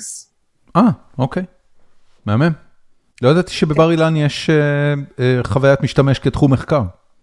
Uh, יש שם בתוך uh, המחלקה למידענות, הוא עובד. יובל דרור היה שם פרופסור, לא? או, ש, או שיובל דרור עשה שם את הדוקטור, לא משנה. אולי הוא יודע שמות. הוא בטוח מכיר היטב את יובל דרור. יוני, רצית לשאול משהו? אה, יש לי שאלה לגבי, אני לוקח אותנו שוב חזרה לתסריטאות, כי הבאתם אותי, וזה מה שאני... אה, כי הבאתם אותי. כאילו, לא יהיו הרבה שאלות על אה, UX. כשאת כותבת את התסריט, או, או בונה את, ה, את הספר, נגיד, בקולנוע אתה אומר, אני צריך שהשתי דקות הראשונות יתפסו את הצופה שלי ויושיבו אותו, ואז העשר דקות הראשונות צריך להיות שם איזשהו ריביל גדול. איך זה עובד בקומיקס? זאת אומרת, זה משהו שאת חושבת עליו, ושאת אומרת, מישהו יגיע לחנות הספרים ויפתח את הספר, יש איזה שהן נקודות שאת אומרת, כאן אני רוצה, לא יודע, זה העטיפה, זה העמוד הראשון, איך זה עובד? תראה, פה אתה מגיע לבעיה מאוד כאובה של, של הקומיקס, גם קסם שלו וגם בעיה שלו, שבניגוד ל... זאת אומרת, לא בניגוד לטקסט, אה, הדרך, איך שאנחנו אה, תופסים ציור, אה, כאילו תופסים ציור הרבה הרבה יותר מהירה ממה שתופסים טקסט. זה מקום אחר במוח. רואים ציור, המהירות שבה אנחנו רואים ציור ורואים דימוי, היא ממש ממש מאוד גבוהה. עכשיו, בסרט לפחות, אוקיי, זה גם נכון, יש לך טקסט ותמונה, אבל אתה, אבל אתה מושיב את הצופה, הוא נכנס, ואם הוא לא רואה את זה בזה ומתחיל לדלג על אחורה וקדימה, אבל אם הוא יושב אתה יודע כל שנייה מה הוא רואה, ומה הוא יראה אחר כך, ואתה יכול לבנות את הסדר של האינפורמציה, ומתי יהיה לך נקודת מפנה, מתי יהיה לך זה, אתה יכול לבנות את זה בתוך זה. ספר, אתה, הדבר הראשון שבן אדם, אה, ואני כאילו גם, בספרים הראשונים, מתי מעבירים, מתי יראו שמישהו יוריד בו, מתי... הייתי מאוד כזה מסתירה את האינפורמציה. בקומיקס, קודם כל, אתה פותח כפולה, אתה רואה את כל הכפולה. ישר. אתה לא יכול לשים את האקדח היורה, את הירייה בסוף, כי אתה רואה אותו ברגע, זה לא הפתעה. אתה רואה את זה ברגע, אתה תופס את כל הציור. אחר כך אתה מתחיל לקרוא לפי הסדר, אבל קודם כל אתה רואה את הכל, כל הזמן. אז בסדר, נגיד תעביר את זה לדף הבא, זה גם לא פותר לך כי הדבר הזה שאנשים, אה, דבר שהם באים, ראיתי, שאנשים באים לספר בחנות, הם עושים את הדפדוף הזה, כן, אתה לוקח, אתה מדפדף, אני הרבה פעמים פותחת באמצע וקוראת איזו שורה, אני קוראת את השורה הראשונה, קוראת איזו שורה באמצע, מדפדפת כזה במהירות, משתדלת לא לקרוא את הסוף, אבל אני עושה מעבירה כזה את העמודים. אה, בקומיקס, כיוון שעושים את זה, אז אה, מיד רואים הדברים קופצים לעין, אם יש שם פיצוץ, אם יש שם גופה, אם יש שם זה, אם יש שם פריצה לבנק. מה פלטת הצבעים, אם זה שחור לבן או צבעוני? זה קופץ לך לעין, אתה רואה את זה. ולכן אה, אני כן בונה את זה ככה, כמו שאתה אומר, ואני כן לוקחת בחשבון עמודים, ומתי מעבירים עמוד, מתי עוברת סצנה, מתי בספר קורה משהו, אבל זה קשור גם, גם להשפעה מאוד גדולה של הקולנוע, ושרצון שלי גם מודע, אבל גם אני הרבה יותר משוחררת מזה היום, כי בכל זאת אני התרחקתי מהקולנוע לקומיקס ויותר יודעת להשתמש במדיום לצרכיי, גם גם של ניסיון, של אולי איזה חופש גם, ביטחון. אמ, אבל אני גם יודעת שהיכולת שליטה שלי על זה היא מוגבלת, ואני משתמשת בכל מיני מניפולציות, אבל צריכה לעשות את זה גם מעניין גם אם אתה יודע שמישהו מת. אז שאולי תגיד... כמה חשובה הכריכה? כמה חשובה העיצוב של, ה, של הכריכה? זאת אומרת, זה הפוסטר, זה ה... כן, אני מניח שיש לזה משקל רציני. זה הפוסטר. זה הפוסטר. את, את יודעת כשאת... לא...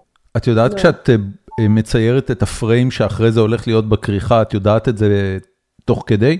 כי, כי כל הספרים שלך זה... הכריכה היא פריים מהסיפור, זה לא כריכה מיוחדת. תמיד זה, אה, לא, רק בספר האחרון זה, זה, זה פריים מהסיפור. באמת, בפרופרטי זה לא פריים מהסיפור? לא, וגם לא באקסיט וונס. אוקיי, לא. I stand corrected. כן. אה, אני רוצה להגיד כן. לא, לא רק שאני לא יודעת, זה גם החלק שמאוד מאוד קשה לי, ואני מאוד נעזרת בו במעצבת, במעצב או מעצבת של הספר, שאני עובד, עובדת עם כל הספרים שלי, תמיד עובדת עם אה, מעצבים, אה, מעצבים גרפיים. אה, בשני הספרים האחרונים המעצבת הנערצת עליי מיכל סער, אה, שהיא אחת המעצבות בעיניי, זאת אומרת לא רק בעיניי, היא באמת אחת המעצבות הכי, טוב, הכי חשובות בארץ וגם תהיה עוד יותר חשובה, ככל שהזמן יעבור. והיא, ו, ו, אבל גם בספרים שעבדתי עם מעצבים אחרים, זאת אומרת הכריכה היא הרבה מאוד, זה כמו פוסטר, זה הדבר שצריך לגרום לבן אדם להרים את ה... ל image הזה שאמור לגרום לבן אדם להושיט את היד לספר הזה. וכריכה זה לא רק הציור שעליה והטיפוגרפיה עליה, אלא גם איך היא מרגישה ביד, מה, מה, מה, מה, מה הציפוי שלה, מה המגע שלה, מה הכובד של הספר, כל הדברים האלה. עובי הנייר, כל הדברים האלה הם חלק מההחלטות האלה, ואני מאוד מאמינה בזה, מאוד השפיע עלינו ועל החוויה שלנו, כי אנחנו גם אנשים טקטיליים, וספר הוא בטח גם מוצר, הוא אובייקט שאנחנו מחזיקים ביד, וכל החלטה כזו של גודל ושל עובי דף משפיעה על החוויה. ו... אבל בזה אני נעזרת, כי אחד הדברים שקשים לי, בוא נגיד ככה, אני נהייתי, או אחת הסיבות שנהייתי, שאני נהייתי ציירת קומיקס, שאני קשה לי לבחור מה לצייר. אני רוצה לצייר גם את זה וגם את זה וגם את זה וגם את זה, אני לא רוצה לבחור. ובקומיקס זה באמת הכל ביחד, זה קשה מאוד לבחור דווקא פריים אחד שמייצג. אנחנו אכלנו, מה שנקרא, אכלנו קש, מיכל ואני כדי להגיע, אני עשיתי, אבל לכל אחת מה... דווקא ל Property זה היה, הנכס היה קל יחסית, אבל אה, ב, לספר הראשון שלי, לקרוב רחוק, Exit Wounds, יש לי תיקייה עם יותר מחמישים כריכות. וואו. ובסוף, הכריכה הייתה משהו אחר לגמרי. לא מהחמישים האלה, לא דומה, משהו אחר. Property זה היה... היא כריכה מעולה אגב, מעולה, מעולה, מעולה. אני שואלת את עצמי, תודה, מה, במה? ב Exit Wounds. אה, אגב, אני רוצה להגיד לך משהו על, אני לא יודע כמה את מודעת לזה, אבל אין חנויות ספרים בארצות הברית. את כל הספרים שלך אה, קניתי דרך אמזון. אני לא יודע מה את רואה בצריכה של הקומיקס שלך, אה, digital מול print, אני מניח שעדיין הרוב הוא print, אבל כן. אנשים שבאים לקנות את הספרים שלך, לא קונים אותו בחוויה של לראות את הספר. זאת אומרת, אני, אני, אני אגיד שהספר מעולם לא אכזב. זאת אומרת, היו ספרי קומיקס שקניתי אותם, וכשקיבלתי אותם, אז הפורמט והדף וכל הדברים האלה, קצת הוריד לי עליהם, כי, הוא, כי זה לא היה כל כך משובח וכל כך מרשים, אבל כשבחרתי לקנות את טאנלס, כשבחרתי לקנות את uh, The Property, uh, זה היה בחוויה דיגיטלית. זה לא, אני לא יודע איך הספר ייראה כשאני אקנה אותו, ואז כשאני מקבל אותו, אני, אני, אני מתאכזב או לא, וכמובן יש את העניין של paperback, לא paperback וכולי. אה, זהו, זה, זה, אני, אני רק אומר את זה מהבחינה הזאת שהאופן שבו אנשים מקבלים החלטות צרכניות היום כבר השתנה מאוד דרמטית, גם ביחס לקומיקס. בסדר, אבל אני לא אמרתי את זה רק, זה לא רק פוסטר ולא רק זה, יש, דיברתי על חוויה, מה שנקרא חוויית המשתמש. נכון, נכון, נכון, שזה כבר מהרגע שהספר מגיע, ברור. יש לך את הספר, יש לך את החוויה של הקריאה בו, יש לך חוויה, האם זה ספר שאני יכול להכניס לתיק אפילו, זה משמעותי, כמה נכון. כבד יהיה התיק שלי? כן. זה החלטות אנחנו לוקחים אותן ביום יום. נכון. נכון, האם נכון, אני, נכון. אני נוסעת עכשיו לירושלים ברכבת ולוקחת איתי ספר, איזה ספר אני אקח? ספר כבד או ספר קל? כן. אז יכול, לפעמים אקח את הספר הכבד, אבל כי אני נגיד אוהבת אותו יותר, זה לא ההחלטה היחידה, אבל זה משפיע. זה מאוד. ו, ולא תמיד אנחנו יודעים, אבל אפילו... גם המבוכה של לפתוח את הספר ברכבת, את יודעת, להוציא ספר במטוס, ברכבת, כמה מקום יש לך לפתוח אותו? זאת אומרת, יש... אמ, כן. ב publishing אמריקאי, אגב, יש לזה קטגוריה, דברים שהם בפורמט אלבומי, זה מראש coffee table books. הם לא מיועדים ל... לרכבות או למטוסים או לתחבורה ציבורית. טוב, אנחנו אנחנו כמעט סיימנו, כמעט נגמר לנו הזמן. אה, יש שאלה אחת, אה, יש לנו אה, פורום שנקרא פורום החיים עצמם של גיקונומי, אני מפרסם שם את העובדה שאנחנו עשינו פרק איתך, ומיטל שטדלר שאלה ככה, קונפליקטים, קודם כל התלהבו מאוד ממך, כתבו שאת מעולה ומלא מחמאות, אני מניח שאת מקבלת אותם גם בלייב. צריכה לשמוע עוד. אז אז מיטל שטדלר חושבת שאת מעולה, וגם ג'ייסון שטיין, שאני לא מכיר אותו, אבל אבל הוא חושב שאת בן אדם מעולה. בכל מקרה, היא שואלת, איך כל התוכן של מה שאת כותבת עליו, שואה, פיגועים, מתנחלים, איך זה מתרגם מעבר לים? זה בטח מתרגם אחרת, קודם כל אני, אני, אני חושבת שזה כנראה מתרגם, בגלל שאנשים, כי, כי הספרים אה, מתרגמים אותם והם אה, מקבלים, אה, מקבלים התייחסות חיובית בסך הכל. בטח גם שלילית שאני לא פחות מגיעה אליי, אבל כן נגיד את מנהרות, זה ספר שקיבל ביקורות מאוד טובות בארצות שהוא יצא בינתיים. הוא, ו... הוא מוכר יותר באנגלית או בעברית? הוא מוכר, בינתיים אני עוד לא יודעת, אבל הוא מוכר יותר באנגלית גם כי יש יותר אנשים שמדברים אנגלית, ברור, כן? ברור, ברור. אבל כן, הקהל של נמרת מספרים הוא יותר גדול בארצות הברית ובצרפת נגיד מאשר בארץ, אבל ישראל ארץ קטנה מאוד ו... חובבי קומיקס במעט. במעט, כן. כן. אמ, אבל זה עובר בטח אחרת. אה, אבל, אבל זה, אני חושבת שזה יוצר עניין, עניין בעניין עדיין, כי ישראל היא מקום מעניין בשביל אנשים, כי קורים פה דברים אה, דרמטיים, ואנשים שומעים עליהם בחדשות, ומעניין אותם אה, שמישהו מבפנים מספר להם על זה. זאת אומרת, מבחינת קוראים שלך, מבחינת קוראים שלך בארצות הברית, זה שאת ישראלית, וזה שהתוכן שלך הוא, הוא ישראלי, וכאילו זה, זה חלק מהקטע. רק עזר לי. ואני אפילו אגיד לך, התחלתי להצליח, אם אפשר להשתמש במילה הזאתי, אה, כשהתחלתי להתעסק בחומרים אה, מקומיים. אז, אז התחלתי לעורר עניין, באמת. לפני זה כבר פרסמתי וכו', לפני זה היה לי קבוצת, היינו לנו קבוצת קומיקס, הוצאת קומיקס, והיינו מוצאים חוברות באנגלית ומפיצים אותם בעולם, והיה איזשהו עניין, בעיקר מקצועי, כאילו של, של אומנים, ו... מתי שהתחל, הסיפורים שלי התחילו לעורר עניין יותר גדול אצל מוציאים לאור ואצל קהל, זה היה כשהתחלתי להתעסק בחומרים, בחומרים מקומיים, אבל זה לא היה, זה לא היה, לא, אני לא אמרתי, טוב, אני אתעסק בחומרים מקומיים. זה, הגיע, זה נכנס לתוך הסיפורים, התחלתי יותר להתעניין אולי, להבין יותר איך אני משתמשת בזה, הרבה שנים נרתעתי מזה. לא ידעתי בדיוק איך לטפל בחומרים האלה, בלי לצאת, לא רציתי גם את ה... תעודת הכשר הזאת של השמאלנית טובה, כאילו, שבאה להשמיץ את ישראל, ולא רציתי להיות, להגיד, להיות האזרחית הנאמנה, לא, לא הרגשתי נוח, לא ידעתי איך בדיוק אה, להביע את מה שרציתי לעשות, שהוא יהיה גם בפנים וגם בחוץ, וזה, זה, הייתי צריכה לעבור איזה מיילג'. זה נורא קשה, יש, יש המון אה, פוטנציאל לעצבן המון אנשים כשאתה עושה את זה. לא, זה לא מפריע לי. הלוואי שהייתי מעצבנת יותר אנשים, אני חושבת שאולי החולשה שלי שאני גם כשאני מנסה, אני לא מצליחה לעצבן אנשים. אה, רציתי להגיד את זה קודם בקשר לטרגיות. כן. שלא הצלחתי, כי אולי זה, שזה אולי משהו שהוא באופי שלי, אבל גם אולי זה קושי שלי, אולי קושי של התמודדות, זה אני לא יודעת אם, כן. ה, אם באמת אה, אה, להגיד זה יהיה רע. אולי אני לא יכולה, מתקשה, לצייר את הגופות המדממות בנוחות. אולי זה איזה מגבלה. אמ, אבל, זאת אומרת, יש, אה, אני, אני עושה, אני לא חושבת על, אני, אני באמת, בשיא הכנות, אני לא חושבת על, ה, על, על הקהל כשאני כותבת. לא זה. זה, זה משפט נהדר, ב... הייתה לי פאזה מוקדם יותר השנה, אה, ראיתי את הסרט ברגמן איילנד, ובעקבותיו יצאתי למסע לראות את הסרטים המוקדמים של אה, אינגמר ברגמן, לא המוקדמים, המצליחים, המפורסמים. אמ, ו...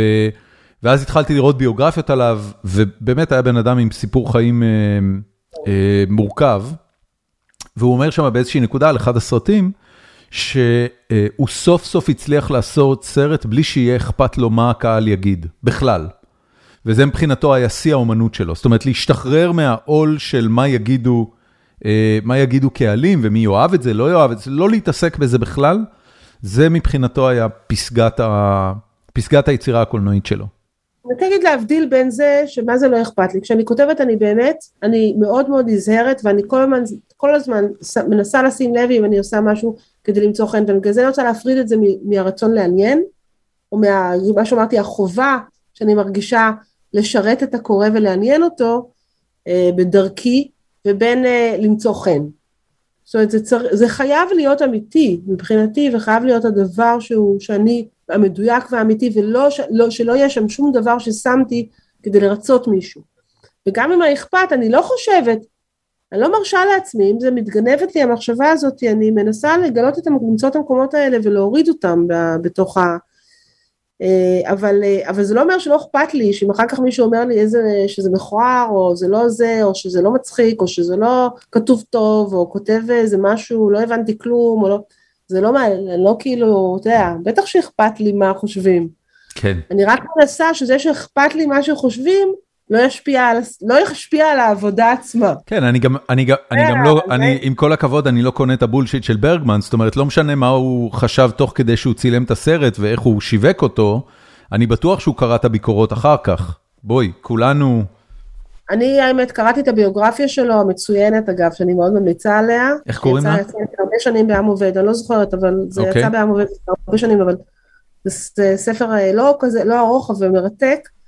ואני רוצה להגיד לך שאני מאמינה לו שלא אכפת לו.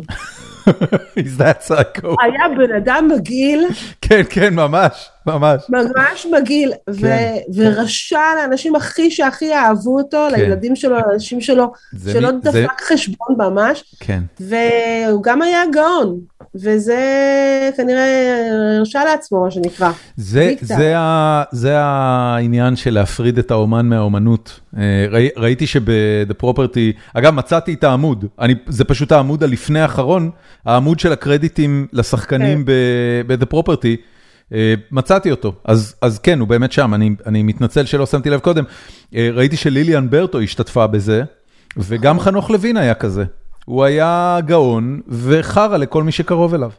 לא נכון, אני לא מסכימה, אני במקרה, אם אפשר קצת name dropping, אני הכרתי אותו, כי אני הייתי, כאילו, הייתי הרבה בבית, הוא נהיה לי חברה טובה שלי, ו... והכרתי אותו, או זכיתי עוד להכיר אותו ואפילו לעבוד איתו קצת, ו... והוא היה בן אדם מאוד מאוד נחמד, ו... ובמיוחד למשפחה שלו. באמת? את, את, אבל כל הביוגרפיה עם המטפל, כאילו זה... בסדר, הוא גם, אה, כן, נכון, הוא גם החליף נשים, אוקיי. וזה, אבל זה לא כן. אומר שהוא לא היה, ידע להיות בן אדם מאוד אה, גם נחמד ונעים ל... אה, כן, היה לו כן, גם... לא, היה- אני, אני, אני לא חושב... כן, אני לא חושב שמדובר לא כן, כן, כן, אני לא חושב. שמדובר במפלצת, אבל אני חושב שיש אנשים, כן, טוב. לא, כמעט סיימנו. בסוף כל פרק אני מבקש מהאורחים שלנו לתת המלצות. אה, אז קודם כל מבחינת קידומים, אה, למי שמאזין לנו, אה, The Property, Exit Wounds ו-Tunnels, כולם אני- קניתי דרך אמזון. אני מניח שזמינים בעברית בכל... חנויות הספרים המובחרות והלא מובחרות. המובחרות. איפה קונים אונליין? כי לא תמיד מוצאים את כל מה שרוצים בחנות ספרים המקומית. איפה קונים? באתר של ההוצאה תמיד יש. שמה זה? כתר. כתר? כתר? כתר מוצאים את כל הספרים שלך? לא, רק את האחרון, לפני זה זה היה עם עובד. אז עם עובד, טוב, אני אשים לינקים, גם לעם עובד וגם לכתר. אה, חוץ משלושת אה, הרומנים הגרפיים שלך, שהם אה, מלאים ונפלאים, מה עוד, אה, איפה עוד צורכים רות ומודן? וואי, קשה, כי אני לא מייצרת, כמו שאמרתי, אני לא מייצרת הרבה, ועכשיו אני גם, באמת, עוד לא, עוד לא התאוששתי ממנהרות. אני עושה דברים אחרים, אבל עוד לא התחלתי, אני לא, לא כל כך עושה סיפורים קצרים ודברים כאלה, כי פשוט אני, באמת, באמת אין לי מלא רעיונות, אני מחכה שיהיה לי רעיון ממש טוב. אה, אבל יש קצת דברים, יש קצת, אה, אפשר למצוא דברים ישנים יותר ב- באינטרנט, מתקופות יותר מוקדמות. אה, היה לי אה, טור בניו יורק טיימס, זה חצי שנה כתבתי סיפורים מאוירים בניו יורק טיימס ב-2007. זה עוד זמין באתר שלהם?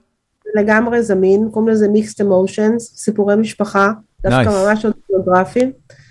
ואחר כך עשיתי סיפור בהמשכים לניו יורק טיימס, אה, סיפור מתח, רצח, אני מאוד אוהבת בלשים. אז אה, סיפור אה, בלשי על רצח במחלקה האונקולוגית, וזה גם אפשר לקרוא לזה, לקרוא, למצוא את זה עוד, קוראים לזה ה- The Murder of the Terminal Patient, זה על אה, שרוצחים חולה סופני. כבר רעיון ו- טוב, יופי של טייטל. אה, ויש עוד איזה סיפור אה, שעשיתי, שאפשר למצוא אונליין, של, אה, שעשיתי עם יגאל סרנה, שזה הקומיקס עיתונאי היחיד, היחידי שעשיתי בחיים שלי, יחד עם יגאל סרנה, וגם כן באיזה מבצע, באחד המבצעים בעזה, זה היה לאיזה מוציא לאור צרפתי, אבל זה התפרסם באינטרנט ב-World Without Borders, יש כאילו, סליחה כן. על המבטא. כן, כן. אז אפשר למצוא את זה, קוראים לזה ארנבות מלחמה. אני אחפש את זה ואני אשים גם לינק לזה. על מה תמליצי לנו? איזה, איזה, לא יודע, מי, ממי את מחזיקה? מה את אה, צורכת? אני הכי מחזיקה, מ- מ- ואני אמליץ על, ה, אה, על הספר של אה, חברי הטוב והראש, והקורא הראשון של כל דבר שאני כותבת, ירמי פינקוס, שהוציא עכשיו לא מזמן רומן חדש, נורא נורא מצחיק ו- ו- ורציני ו- ובאמת אה, ונהדר. אה, ו...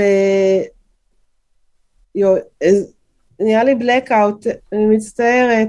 לא, זה בסדר, זה- קחי- דקה. קחי דקה כן. לאסוף. אה, יוני, מה איתך?